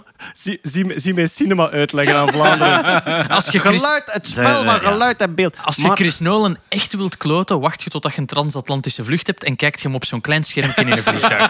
met, met, met kop- Echt keislechte oortjes. Zo. Ja. maar eh, Duffy heeft ondertussen op threads gezet, gevraagd of iemand daar kan komen redden. Dat is hier nog niet eh, available. Hè. Ja, ja, dat is juist. Lap, daar Dat is gaat hem op. Maar ehm, als je hem later op tv eh, ziet, en ik geef het dan nu maar al mee, zet een koptelefoon op. Ja. En uiteraard, Ja. zorg dat uw oren eh, binnen het veilige gebied zitten. Maar zet een koptelefoon op en zet die luid genoeg. Audio want- is heel belangrijk, want ik denk tot, Ja. aan- tot aan... allee, Ja, mogen we spoileren of really? Ja, ik weet het niet. Ja, Misschien. maar wat valt er te spoileren? Ik bedoel, heel, heel, Ja. zijn, heel zijn verhaal staat eh, op Het is waar. Ja, Ja, tot, aan zitten- de ploffing is het ook Ja, echt een zit- auditieve gijzeling, Ja. vind ik. En dat, ja, maar er, zit, dat is er zit, goed zitten een aantal heel goede vondsten en een, aantal heel mooie ingrepen dat erin zitten. En ik, ik, ik geniet... Ik, ik zou het genot niet willen afnemen van mensen, omdat... De, Maar de, beste, verrast review, de te beste review is, ik had mijn moeder mee, eh, Ria, die valt bij elke film in slaap. Hoe kort of hoe lang dat die ook is, drie uur niet in slaap gevallen. Hmm. Het einde gehaald. Dat is op zich een triomf voor Christopher Nolan. Ik vond, ik, vond het, ik Ja. vond het een geweldige tour de force om een spanningsboog over drie uur te trekken. En ik, heb hem ook, ik, ik ben erin gebleven, dus hij heeft mij helemaal meegenomen tot het einde. Ehm, ik, vond, ik, ik, ik denk wel, dus tot aan de ontploffing heb je, heb je het verhaal en de feiten gelijk dat ze zijn. En je krijgt het in een heel hoog tempo Ja. allemaal voorges- voorgeserveerd. En, en elk, elk, elk stukje info brengt wel, moet ik zeggen, eh, eh, stuurt u wel even emotioneel een kleine andere richting uit. Maar het blijft wel één grote aanloop naar die, naar die ontploffing. En daarna verandert de film wel wat, vind ik. Dat was ja, mijn, dat- dat mijn ervaring schoon, daarna. want- ja, want je hebt, je hebt... Ah, maar ik heb net de documentaire gezien. Moet ik nu de film gaan zien? Absoluut. Zeker wel. Het is een totale meerwaarde, een totale aanvulling op de feitelijkheid, dat je echt een, een beetje het gevoel krijgt dat je in Oppenheimer zijn hoofd zit en dat je inderdaad dat moreel dilemma van wacht, we hebben hier iets gemaakt dat, dat heel desastreus is en je kunt misschien nog meegaan in het feit van oké, we gaan nu heel veel mensen doden en misschien dat we daardoor heel veel andere mensen redden. Oké, whatever. En dan komt heel de discussie nog van de H-bom.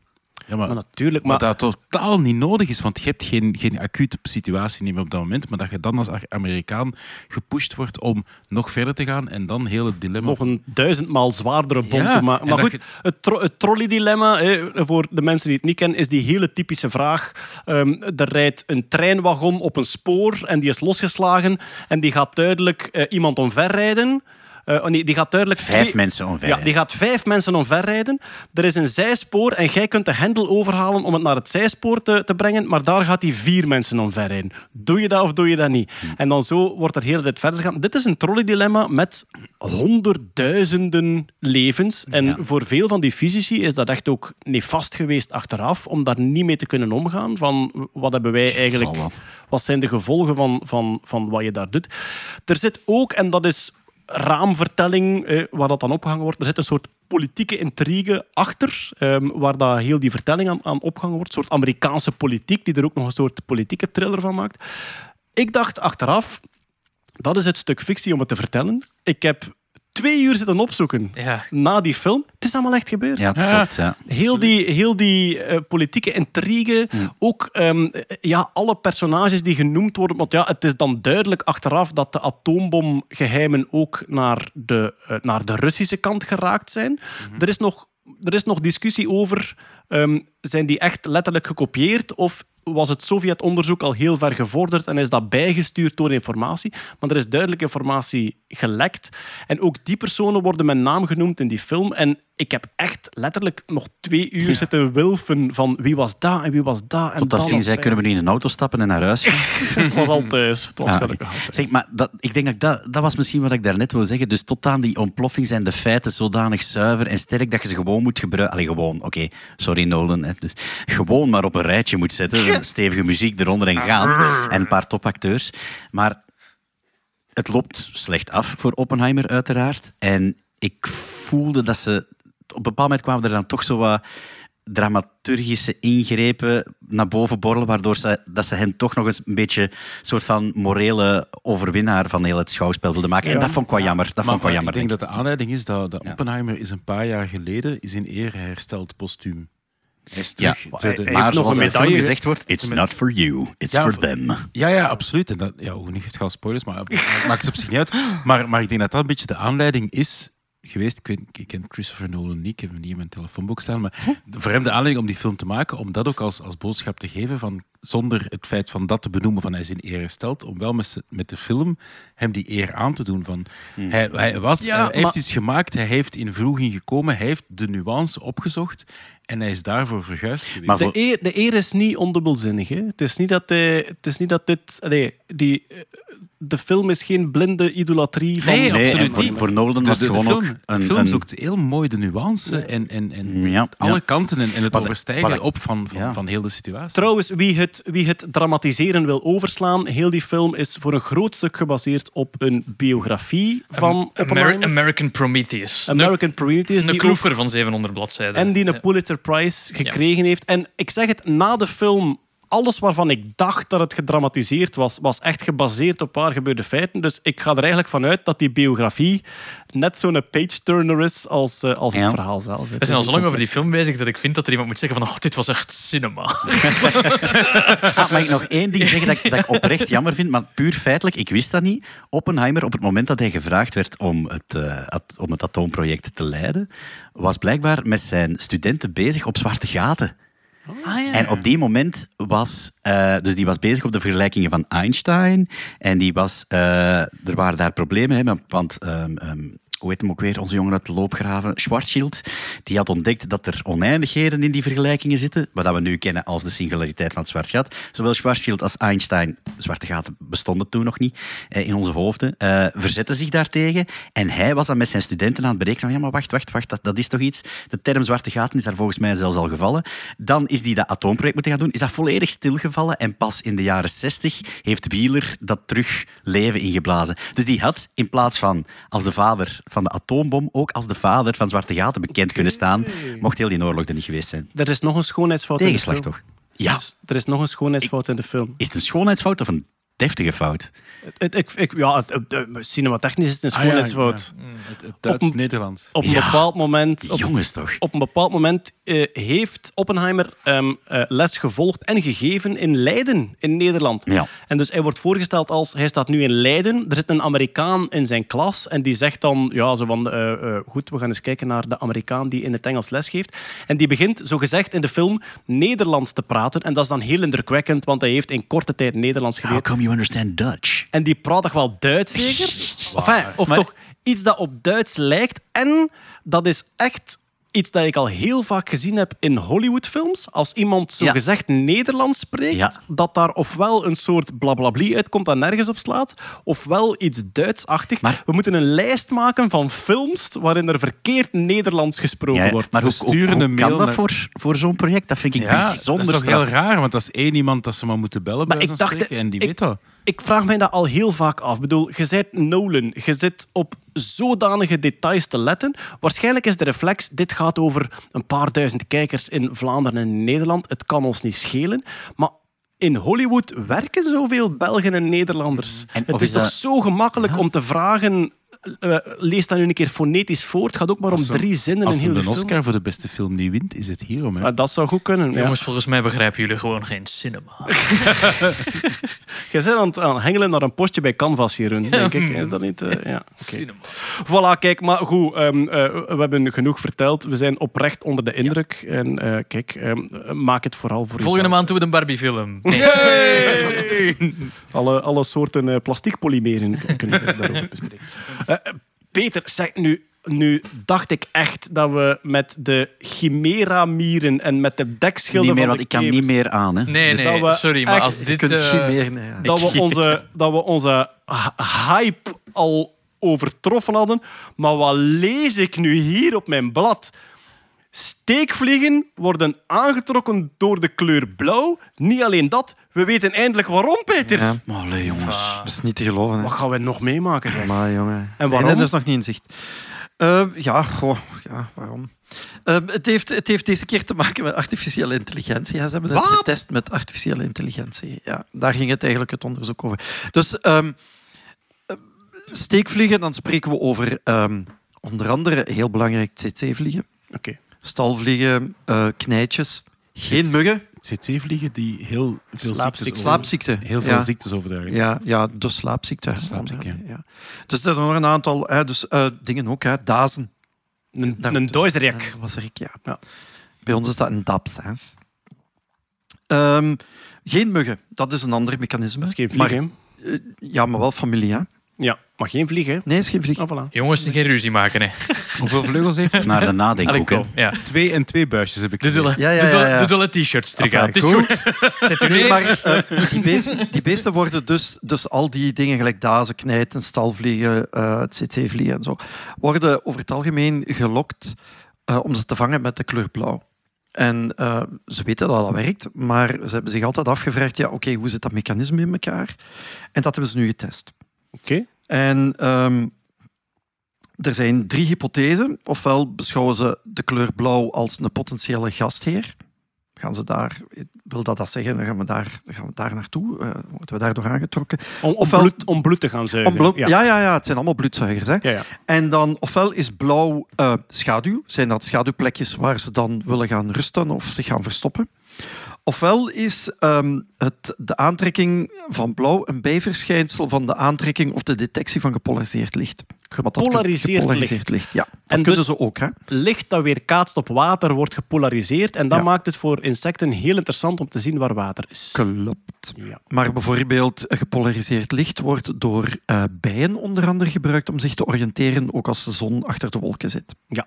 En gepolariseerd licht is licht dat ofwel heel hard voor ofwel heel hard tegen holibierechten is. Ja, heel erg links of rechts. Wij zaten hier met vier man over dezelfde mop. iemand te wachten. De winnaar is, de winnaar is Lieve Scheire, en als er eh, iemand voor u is. Ook op Twitter vind je heel veel gepolariseerd. Licht, hè? Ja. Ja. Eh, maar goed, en eh, ze hebben dan gekeken van, eh, ja, eh, hoe, kunnen we dat, hoe kunnen we dat onderscheid nu maken? Of hoe kunnen we daar nu een, een, eh, een, een experiment rondzetten? En dan hebben ze gezegd, ja, kijk, ehm, insecten hebben ook, net zoals wij, keeltjes en staafjes, die hebben ook al die fotoreceptoren. En ze hebben er wel geteld acht. En in dit onderzoek zijn er vijf van die fotoreceptorsignalen gebruikt. Wacht, even kegeltjes en staafjes. Ehm, wij hebben er drie Ja, voor rood, groen, Groen en blauw, te. Ja, zien. ja, ja. Hè? Want heel die, heel die kleurenmengeling die wij, die wij maken en zo, het kleurenwiel en zo, dat hangt eigenlijk heel erg af van de specifieke menselijke biologie van het oog. En dus insecten hebben er geen drie, maar hebben er meerdere. die vliegen, hè, eh, die, hebben er, die hebben er acht. Ja, Dus en dus die zouden een totaal ander kleurmengsysteem hebben Ja, dan, ja, ja. dan wij. Absoluut. Eh, eh, rood en geel zou geen oranje vormen bij de, bij Nee. de vlieg. Nee. Oké, ça va. Goed. Ehm, en dan hebben ze gezegd van, kijk, eh, wij moeten eh, de omgeving eigenlijk onderverdelen in drie groepen. En de eerste groep is gewoon groen, plant, groene planten. En dan zit je met een, een ehm, hoe zal ik zeggen, een, eh, een, een, een piek, eh, ja, hoe moet ik dat zeggen? Een, in, de, in, in het spectrum van frequenties Ja. heb je daar eigenlijk een piek. ja, dus eigenlijk Blauw, uw, groen. uw spectrometrische piek die zit op eh, 550 nanometer. Dus dat is golflengte. bladgroene golflengte. Ja, uw detectiegolflengte. Wat blijkt trouwens, er zijn veel culturen, menselijke culturen, waar blauw en groen geen aparte woorden zijn. Eh, dat is een cultureel verschijnsel. Ja. Bij de oude Grieken was dat bijvoorbeeld. Hè? Groen en blauw is... Blauw Dat was één woord. Ja, dat, Ja, dat was klopt. gewoon één nu woord. Dat blauw niet bestond of groen niet bestond? Ik denk Ja, maar ja, blauw, het, hè? het maakt niet uit. Het is gewoon één groep. Ja. Er is één Ja. woord voor Ja. de, de kleurgroep Ja, blauw-groen. blauw en Ik heb, groen. eh, ja. ik heb een groentje gelopen. Bijvoorbeeld, ja. inderdaad. Wij noemen dat appelblauw-zeegroen. hè. Bijvoorbeeld, ja, inderdaad. Ja. Ehm, dus dat is één. Planten, groen. Dan twee zijn ehm, organische, anorganische structuren. Ehm, dus alles wat bijvoorbeeld ehm, zwarte of bruine pigmenten in, in het lichaam heeft. Ja. Dus melanine. Ah, ja. En dat is dan de categorie grijs-bruin. Ja. En dan heb je nog ehm, kleurrijke eh, oppervlakten, zoals eh, bloemen, fruit, ornamenten zonder specifieke structuur. En dat is gewoon die wel een contrast vormen met de groene achtergrond. Ja. Dus zij hebben alles gezegd, oké, dat is groen, dat is grijs, eh, grijs-bruin, of dat is groen contrast. Mhm. En dan hebben ze eigenlijk gezegd, kijk, uw visuele perceptie is eh, voor, die, eh, voor die vliegen de neurale verwerking van uw fotoreceptorsignalen. En je hebt daar twee categorieën in, wat ze noemen de chromatische. Dat is een vergelijking tussen die verschillende signalen die binnenkomt. En uw achromatische eh, perceptie is gewoon het signaal van één receptor die binnenkomt of de som van receptoren. Ja. En dan hebben ze gezegd, goed, dan gaan we dat gebruiken om een artificieel neuraal netwerk te trainen op verschillende blauwe voorwerpen of oppervlakken. En dan gaan we daarna kijken, als we die dan schaduwrijke dingen laten zien, of we gaan die gastheren laten zien, of die dat effectief ook herkennen. Om te zien of de hypothese klopt, blauw is een gastheer of blauw is een schaduw. Welk van de twee gaat het zijn? En wat blijkt? Het is een gastheer. Dus blauwe kleur is altijd potentiële gastheer. Daar komen ze op af. En dus als je in een buurt zit met veel steekvliegen, geen blauwe kleren dragen eigenlijk. Absoluut. Ah, ja, ja, oké. ja, dat is eigenlijk de dingen. En het zal ook waarschijnlijk weer een bepaald, eh, een bepaalde tintblauw zijn, Ja, ja. waar ze meer door worden aangetrokken. Dus eigenlijk eh, waar veel dazen zitten.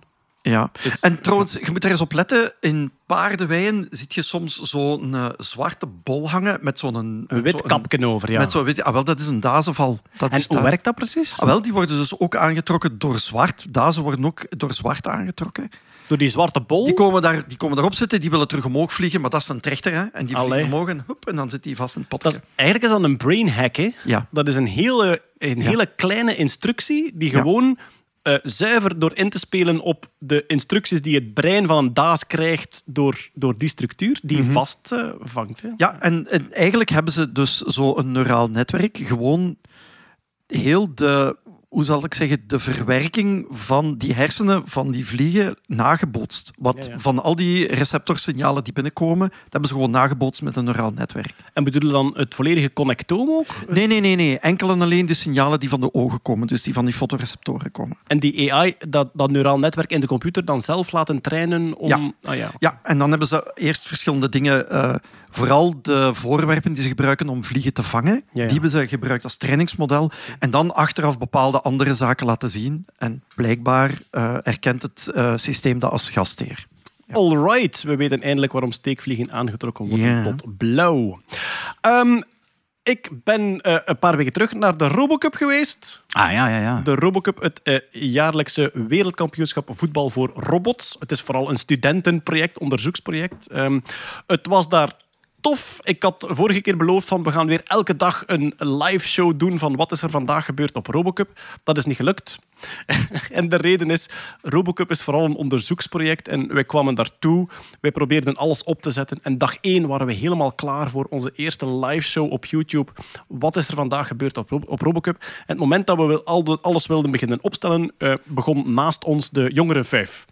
Dus, Ah, wat was een beetje het probleem? Die organisatie van Robocup in Bordeaux in Frankrijk, die was totaal niet afgesteld op wat wij wilden doen en omgekeerd. Maar volgend jaar is de Robocup in Eindhoven, kijk. in Nederland.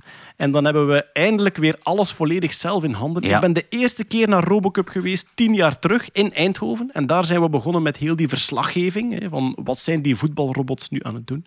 Ehm, en dus dit jaar was het heel boeiend om daar geweest te zijn. Ook de wedstrijden staan nog online op het YouTube-kanaal van Tech United. Kan je die allemaal nog zien en bekijken.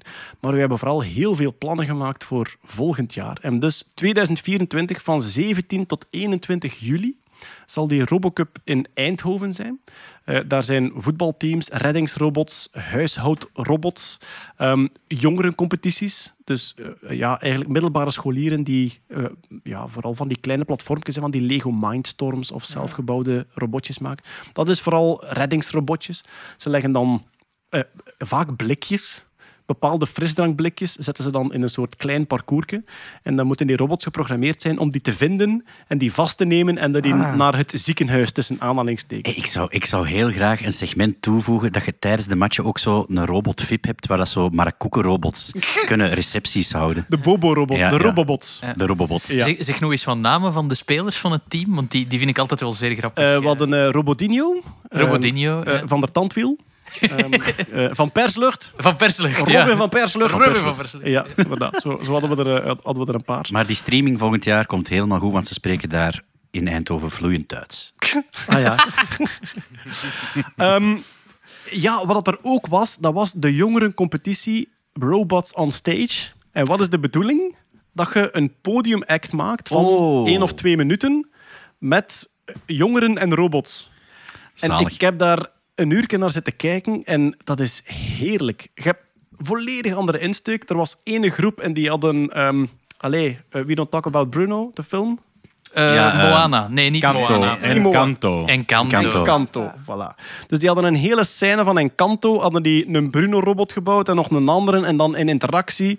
eh, er, was, Zalig. Ja, er was een andere en die hadden een circus gebouwd. Die hadden een olifant gebouwd van twee meter groot. Wat? Met echt zo servomotoren en, en een Arduino in die slurf. En die, je kon er dan balkjes naartoe gooien. En die slurf probeert die balkjes dan te vangen en zo. Dat was echt zot.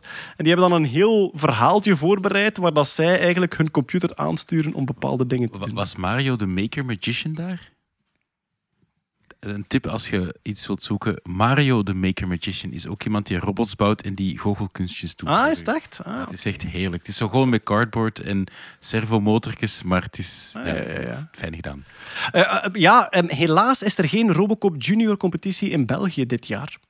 Dus ehm, ja, ik zat te denken, het zou wel tof zijn als er ook middelbare scholen zo een stage show kunnen doen en daar volgend jaar mee in Eindhoven staan. Maar die gaan dan waarschijnlijk via een ander circuit. Ik ga het een keer uitzoeken. Waarschijnlijk misverstaan, maar je zei Robocop Junior. En ik dat is een heel andere competitie. eh. Het is, eh, not eh, comply. Het is de Robocup. Maar bon, kijk, het was tof in Bordeaux. Eh, de filmpjes staan nog online, de overzichtjes. Van 17 tot 21 juli 2024. Zet dat in uw agenda. Dan is het in Eindhoven. En daar gaan we echt publiekswerking hebben. Daar kan je gaan kijken naar robotwedstrijden. En eh, ja, we gaan er alles aan doen om er daar een enorm feestje van te maken. En dan hebben we nog één iets staan, Kurt. Ehm, de PlayStation toegankelijkheidscontroller. Ja, ja, ja. Wat is een toegankelijkheidscontroller? Ah, wel, we hebben het daar eh, een paar jaar geleden al een keer vermeld. We waren met Team Scheire bezig en Laszlo, iemand met een hersenverlamming, die wou graag gamen. En daar is dan daarvoor effectief eh, een opmaatcontroller gemaakt. En Die kon, die kon geen gewone Nee, gamecontroller Nee, die had hersenverlamming, zat in een rolstoel. Die had dus eh, in het Engels cerebral palsy, dus die kon zijn spieren niet volledig controleren. Eh, en daar is dan een, een controller voor gemaakt geweest op maat voor hem, voor zijn knoppen die hij wel kon Dus bedienen. hij kon enkel met grote bewegingen, Ja. arm naar links of arm naar Ja. rechts, daarmee kon hij een spel Ja, bedienen. voilà. En simultaan heeft Microsoft voor zijn Xbox heeft die ook eigenlijk een interface gemaakt eh, die dat je langs de ene kant een controller via Bluetooth naar de Xbox verbindt en langs de andere kant heel veel eh, gaatjes heeft om kabeltjes in te steken met een stekkertje om eigenlijk die custom controllers te kunnen maken voor een persoon die dat dan nodig heeft. Want iedere persoon heeft eigen dingen dat hij wel of niet nog kan. Ehm, maar wel dat hij die, die games kan spelen. Dus dat was Ah, wel, al redelijk lang op de markt van Microsoft voor de Xbox. Dat was het bij Team Scheire. Dat was echt de controller openmaken Ja. echt gaan kijken naar wat zijn hier de gesoldeerde puntjes Absoluut, van ja. de knoppen op het printplaatje. Van daar zelf een draadje op te solderen, te verbinden met een ander soort knop die door Laszlo bediend kan worden. Voilà. En nu maken ze het heel gemakkelijk. Ah, wel, dus- Door gewoon met een krokodillenklemmetje kun je eigenlijk op... Voilà, eh, exact, exact. Het ding is dat de communicatie via Bluetooth tussen die controller van eh, Xbox en PlayStation en waarschijnlijk een Switch, dat weet ik niet. Maar dat is redelijk propriëtair. Dat wil zeggen dat het eigenlijk gesloten is. Omdat zij natuurlijk hun eigen controllers willen verkopen of de licentie om specifiek controllers voor hun platform te maken. Eigendom van het Eigendom, merk. ja. Echt zo uw eigen fiche, maar dan draadloos. En dat is een, eigenlijk een draadloos protocol. Nu, dat werd wel gehackt. Bijvoorbeeld eh, een hackerspace niet zo ver van bij mij, Brixel, die had een PlayStation 5-controller gereversed engineered om daar effectief op de printplaat de draadjes te gaan solderen, om daar een eigen knoppen en toestanden op te kunnen gaan monteren voor iemand die dan niet de standaard knoppen kon bedienen, die dan niet de fijne motoriek wegens een degeneratieve ziekte of een hersenverlamming of whatever had, om wel die, het genot van te kunnen gamen te geven. En langs de andere kant had je al Microsoft die het voor zijn Xbox-controller had. Ja, en PlayStation kon gewoon, ay, Sony kon niet achterblijven. En die hebben nu eindelijk ook hetzelfde eigenlijk uitgebracht. Namelijk de controller, de Access Controller heet het. En het is heel modulair. Je kunt er eigen knoppen op klikken. Er zijn een heel set van mogelijke grootte van knoppen en de knoppen samen en toestanden. Maar vooral ook heel interessant is dat je een aantal connectoren daar makkelijk in kunt steken om je eigen custom knoppen te gaan designen voor iemand die dat bijvoorbeeld op zo'n hele grote Deadman switch en zo, om zo, Ja. waar je zo massaal op kunt mappen, die dat dan nog wel kan om dat te vertalen als en nu duwt je knopje A in, wat normaal gezien een fijne motoriek is, dat die eigenlijk toch de beleving van te kunnen gamen kan hebben. Wauw, dat is echt fantastisch. Maar dat is het. Hè. Als je, stel dat je iemand hebt die ehm, motorisch enkel maar arm naar links of arm naar rechts kan bewegen, dan kun je aan weerskanten een grote plank zetten. Mhm. Absoluut. Vanaf dat die plank geraakt wordt, is er een signaal. Dat verbindt jij via je krokodillenklemmetje met Naar die, die controller. Voilà. Die En- zet dat om in een proprietair signaal om dan te communiceren met je PlayStation. Maar zelfs iemand met zeer vergevorderde ALS, die Absoluut. alleen nog ogenmotoriek Absoluut. heeft of Ja, zo, klopt. Ja? zou hier, zou hiermee ja. een spelletje kunnen spelen. Ja. Inderdaad. Maar ik vind ook, het is, het is ergens een soort uitnodiging naar de, de, de techniekers, makers eh, over, over heel Vlaanderen en Nederland die aan het luisteren zijn. Ehm, dit kan je gemakkelijk zelf bouwen. Hè? Als, je, als je iemand in je omgeving hebt die misschien graag wil gamen en die motorisch niet met een gewone controller om kan. Als je Ja. een klein beetje inwerkt in die toegankelijkheidscontrollers, dan kun je heel gemakkelijk zelf dingen Met, bouwen. met dit toestel, hey, het, is, het is op een een manier raar natuurlijk, want het is natuurlijk een extra stap voor Sony om zijn, hun eigen propriëtair protocol van hoe communiceert die controller met de PlayStation, dat blijven ze beveiligen. Ja. Maar je moet geen moeite meer steken om dat te gaan analyseren, te reverse engineeren. Nee, je kunt gewoon met een, een, een mini-jack daarin te steken en die twee pinnetjes van de mini-jack met de custom knop die voor die persoon voor wie dat jij aan het werken bent, werkt. Is dat nu een oogtracking of is dat nu een hele grote knop als hem zijn arm naar links beweegt? Maar je kunt, en het is, de prijs is savan nog, het is 90 euro voor je toestel om je middelware eigenlijk om het allemaal te kunnen laten communiceren. Ja. Ik denk dat ze dan nog wel een stuk naar beneden zouden Zal kunnen krijgen. Maar in, in, in de Ja. realm van de games zijn de prijzen helaas eh, van die grootte wel eh, tegenwoordig. hè. Alright, we hebben ook nog een paar recalls staan. eh, dingetjes die we moeten corrigeren van de vorige keer. Twee uitspraken van namen. De eerste is al vernoemd, Killian Murphy. Ik had zowaar Cillian Murphy gezegd, omdat mijn vrouw die ongelooflijk aantrekkelijk vindt. Dus alles wat ik kan doen om hem uit zijn evenwicht te brengen. En ik denk dat hij Het, hier... is, het is trouwens Killian Murphy. Eeuw. Ik denk dat hij ook hier nachten niet van geslapen heeft dat ik Cillian eh, gezegd had. Maar het is Killian Murphy. ehm, een Murphy. Chimchalian van Floemfurphy. Liebenchu. Ehm, een tip die we misschien al gegeven hebben is, er is een website en die heet forvo.com.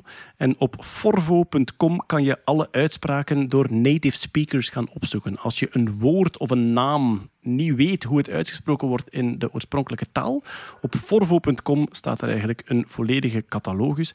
En we hebben vorige keer ook een Chinese naam uitgesproken. Oei, oei, oei. En Uw dan, neef heeft gebeld. dan kan je er uw klok op gelijk zetten.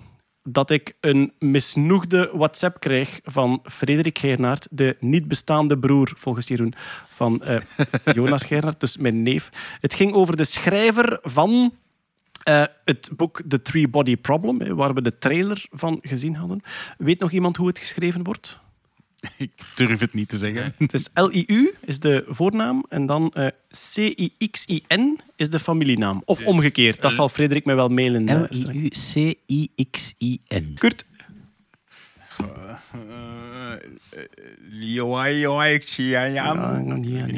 Peter, Ik zou zeggen Liu Cixin of zoiets. zal het dichtste in de buurt? Ja, ehm, Leo Chichin. ja, ja, ja, ja. Duffy, enig idee? Eh, Eh, Liu Chinxin. Ja, oké. ja, kijk.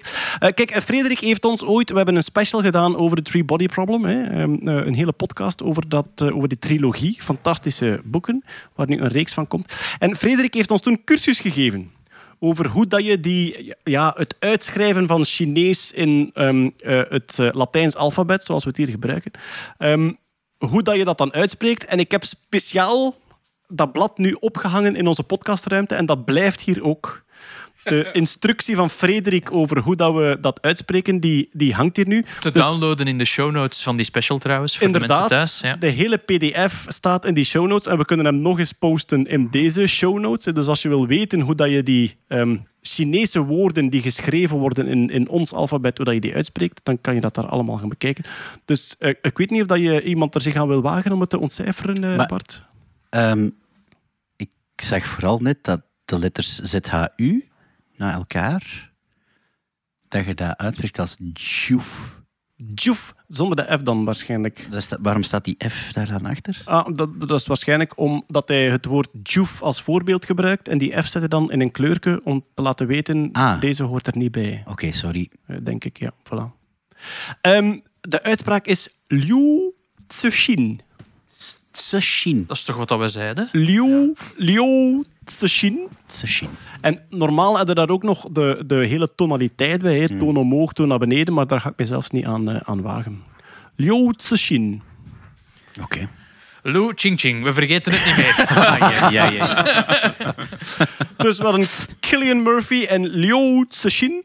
Ehm, we hadden het de vorige keer ook over het idee om een battery pack in een riem te stoppen. Sorry, lieve, uw idee. De batterijriem. Ja, Ja, ja, ba- idee. De batterijriem, ja. Dat ik dacht van, kijk, je neemt een batterijriem en ja, daar kun je al je toestellen mee opladen. We hebben verschillende mails gehad en die zeiden, het bestaat. Ja. Het bestaat al. Het is de Belty. Hij wordt gemaakt in Parijs. Ik heb hem onmiddellijk gekocht. Omdat ik dacht van, ja, eh, dat is het leuke aan het internet. Je Is moet het u- zo Parijse haute cou- haute couture? Hoe dat ze, is, het, is het duur? Helaas, ja. helaas wel. Van Dus, Parijs had ik wel... ehm, van, sorry, maar van Parijs had ik wel de Brutelty verwacht. Van Parijs had ik vooral iets verwacht dat niet werkt. Ah, ja. Maar ehm, ik heb hem gekocht. Ehm, ik ben niet onder de indruk. Sorry, hij ziet Nee, er heel lelijk uit. Ja. Vreselijk.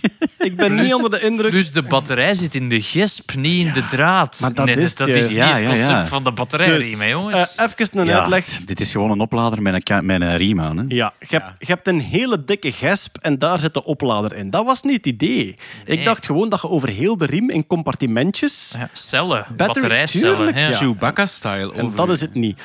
Het leren stuk van de riem, en dan hebben we het over het minst interessante deel, want daar kun je er niks mee opladen, is handgemaakt en daardoor schijt het duur. Dat ik denk, Ja. waar gaat dit over? Wij zijn nerds. Als je een batterypak geeft, hangt er dan iets van plastic aan dat geen geld De- kost. Desnoods een sisaltouw. Maar ik was eigenlijk nog verder aan het denken, oprecht, toen het, toen het idee, eh, of toen ik ervan hoorde. Ik dacht echt dat het over een stuk piezo-elektrisch materiaal ging. Dat eigenlijk Ja, Oplaad tijdens dat het wandelen. oplaadt, omdat je door frictie... ja, ja, maar dat, dat vermogen gaat er voor Ja, een battery pack van die grootte. Voor een polshorloge tot daar aan Voor een toe. ledlampje. Maar ja, Ja. maar voor een battery pack om een telefoon mee op te laden, gaat het snap piezo-elektrisch ik. niet ver geraken. Bart, dat gaat ook moeten bewegen. Nee, ja. Ja, dan kun je beter aan uw fiets hangen. Ik vind met het dat je die riem niet gedragen hebt naar de Oppenheimer-première. eh. Ik had Eh, gekund. Ehm, ik ga verder met mijn kritiek op de Belty. Eh, prijs eh, veel te duur, meer dan 100 euro. Waar gaat dit over? Ja? Eh, dus in plaats van de Belty te kopen, hang zelf een powerbank Ja. aan een riem. Ah, ja. dat, dat is eigenlijk beter. en dan de uiteindelijke designfout. Het kabeltje, eh, dus de USB-poort waar je je kabel moet inpluggen om op te laden, zit recht voor je kruis. dus de moment dat je zegt, ik ga mijn telefoon opladen, hangt dus vrij letterlijk met een soort door Apple gebrande tampondraad die uit uw kruis naar buiten komt, Ja. waar Het uw is wel- het is telefoon wel een lekker warm gevoel, denk ik. Eh, Dat vrees ik wel. Maar je kunt ja. de riem dragen en tegelijkertijd de USB-poort Dat kan. eh access ook. Ja, als, als, ja dat, zou, dat, zou, dat zou het helemaal belachelijk maken als ze zover niet geweest Ja. waren. Ze hebben een redelijk ingenieus systeem om de riem te sluiten met een soort relief in het leer. En dat is dan handgemaakt. En dan denk ik van ja, dat is een hele jammere kost, want hij is veel te duur. Maar je kunt dat eraf knippen, zo, die... ja, voilà. Zit je nog Oké. binnen 30 dagen return window? Eh, ja, goed, maar eh, ik, vind- kijk, ik, ik had ooit... Oh, stiekem vindt hij het een mooie riem. Ik, wil- ik wil dat dan conceptueel... Dat is zoals een Fiat Multipla, die je dan toch Ah, ja, conceptueel... Nee, ehm, ik, ik had ooit het idee van... Misschien moeten we een website maken.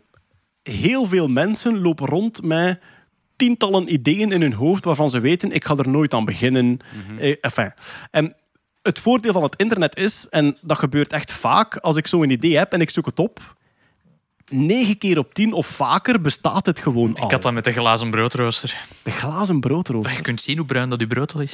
Geniaal. Ah, Bestaat Geniaal. al. ik ben nu Voilà. heel benieuwd. Ik ga, ik ga onmiddellijk googlen op eh, Multipla... eh, Multipla Cybertruck. Ja, ja. Ja. bijvoorbeeld. Ah, bijvoorbeeld de, de, de, het Koolmees t-shirt dat ik vorige keer Ah, vernoemd ja. had. Hè, dus Engels voor Koolmees, Great Tits.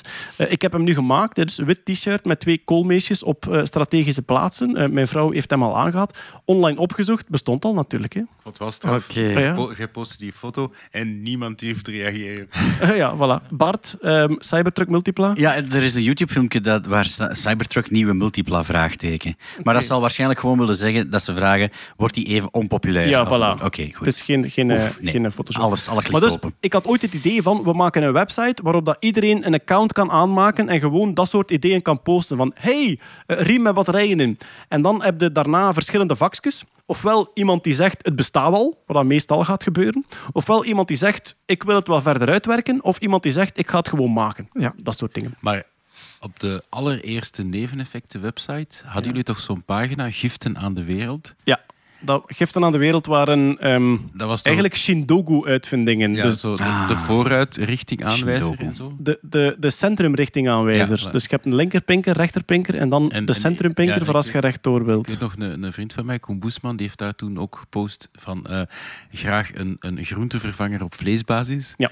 Groentevervanger op vleesbasis, dus dat je eigenlijk kipspinazie kunt eten. Hè? Voor kindjes die niet graag vlees eten en alleen maar groente willen eten. Ehm, ja, de, wat, er, wat er ook eh, bij stond was ehm, ruitenwissers op het tempo van de muziek. Ah ja. Ja, ja, ja. ja. Dus als het hard regent, dat je gewoon een harder nummer opzet en dat die eigenlijk... En dat is eigenlijk... Dat kan niet moeilijk zijn. Hè? Nee, tegenwoordig Nee, valt, dat, valt dat heel goed te bouwen. Alhoewel, die servomotoren, die, ja, die hebben geen extra sturing dan puur vol ja, spanning.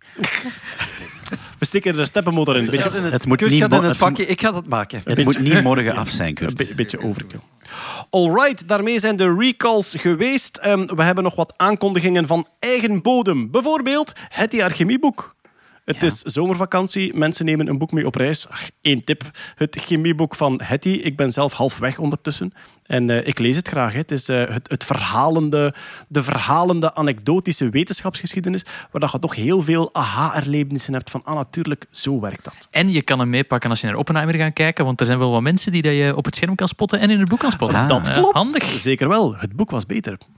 Ehm, wij hebben ook onze nieuwe show Nerdland voor kleine nerds. Hè. Dus goh, ja, eh, eh, richtleeftijd is tussen de 8 en de 14 jaar oud, maar daar zit wel wat speling op. Ehm, hoe omschrijven we dat? Ja, het is in de Lotto Arena, dus het is groot podium, grote show, ehm, ontploffingen, grote effecten. En vooral, zo zeggen we zelf, de wetenschapsshow die wij zelf zouden willen gezien hebben op die leeftijd. 27 december, eh, tickets op nerdland.be, uiteraard.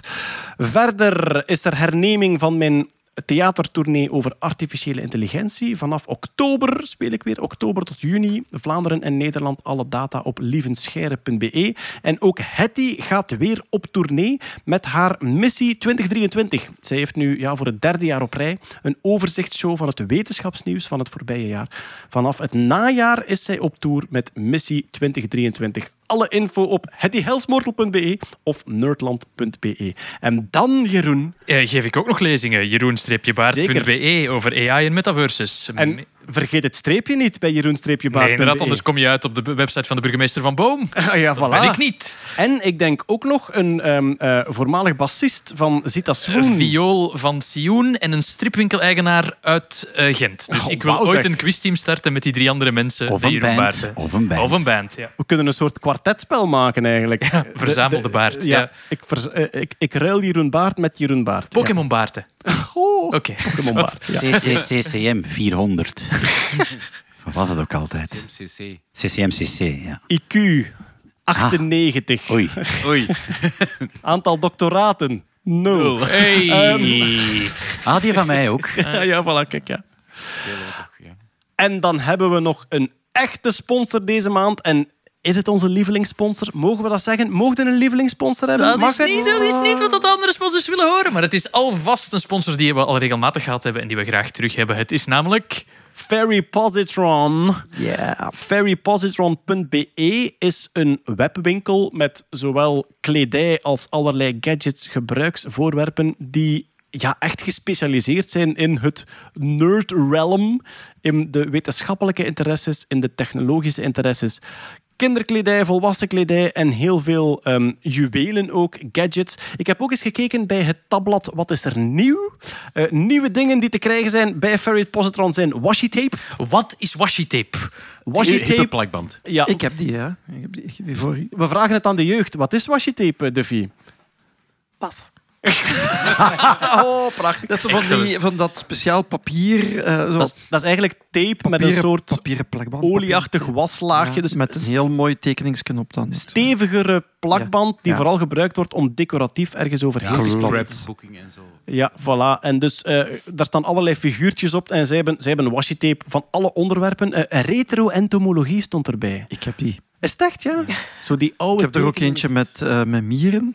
Ja, Ja, dus, Blijven komen. ja, ja, ja. ja, en organen, ehm, eh, moderne fysica, van alles hebben ze Geen tape. zebravissen. Zebravissen. Oh. We gaan ze Oh, tippen. ja. Een Kijk, tip, een tip. We gaan ze tippen. Ja. Ze hebben ook sokken in van alle kleuren en met leuke prints. En ik ben een man, ik ben 35 en tot nu toe had ik alleen sokken in deze kleuren. Donkerblauw, lichtzwart en iets daartussen. dus ik ben, zeer, ik ben zeer blij dat Heb ik nu niet heel veel last van dazen en... Dus- verschrikkelijk veel last van de sokken niet meer te kunnen matchen. Dus ik ben Ja, heel blij ja, dat ik met de sokken van Ferry Positron... A, leuke dino's. A, hamster en een wiel. Veel gemakkelijker te matchen. En Schrödinger sokken. Schrödinger sokken. Ja, met katten op. Hè. Chameleon sokken. Chameleon sokken, oké. Zo, is het een paar of is het een niet paar? Dat zie je pas als de doos open gaat. Dat zou nog beter Oh. zijn. Ja, inderdaad. Ik ja. moet ook vermelden, de kinderen gaan het niet graag horen, maar deze podcast komt uit begin augustus. Eh, ja, in september moeten jullie terug naar school en dan kunnen er ook wel, eh, wel eens wat spullen voor nodig hebben. Dat is waar. Ja. En die verkopen ze ook bij Ferry ja, bijvoorbeeld eh, en- een, drink, een drinkbus. Ik heb er zo eentje. Drinkflessen zijn ook nieuw. Drinkflessen zijn niet. Ik heb er één zo mee. eh, als ik ooit een raket wil bouwen, heb ik gewoon de plannen op mijn drinkbus. Raketplannen. Ah, Ah, cool. En wat ik ook ontdekt heb, is, maar dat is heel persoonlijk of zo, ehm, en daar is de luisteraar niks mee. Ik zag zo het adres en dat is zo Geestespoor in Ekeren. Dat is 300 meter van mijn deur, waar ik vroeger opgegroeid Is het ben. echt? Ja. Wil je identiteitsdiefstal? Want zo krijg je identiteitsdiefstal. Ik woon daar, ik woon daar al 15 jaar niet meer.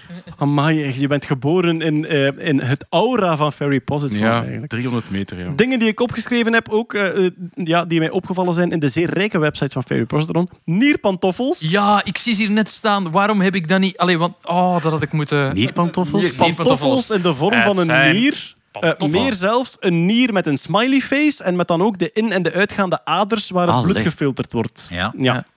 Ehm, maan, maanoorbellen. Dus zo eh oorbelletjes met dan echt zo de, de hele eh, juiste De kratervorm. Ah, Ja, nee. de kratervorm van de maan. Ik zou bijna gaatjes laten schieten, zo schoon vind ik ze. Maar, In uw oren ja, elders? eh, Ja, kunt ze dragen waar in je uw neus. Ja. Met een maanoorbel.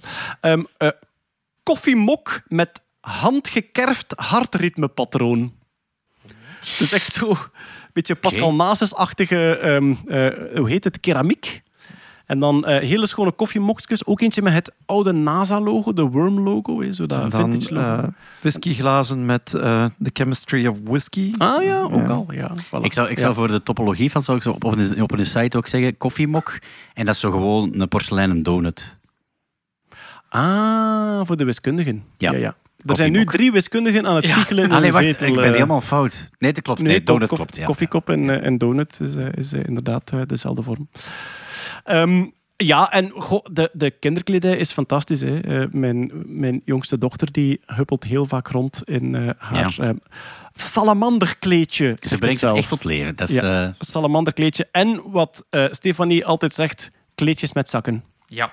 Want zij zegt, kleedjes hadden geen zakken vroeger. En ik wou schatten verzamelen en mooie stenen en takken en alles wat ik Of als je tegenkwam. binnenkort je Apple Vision Pro batterij ergens moet insteken. Like you do, like you do. Oké, daarmee hebben we zowaar alles gehad voor vandaag. Dus dan ga ik iedereen bedanken die hier bij ons aanwezig was. Bart van Beer, tot later. Kurt Beheid, Dag. Peter Berks, Dag. Jeroen Baart Mijn excuses. en Duffy Strubbe. Bye! Tot de volgende keer. Dag.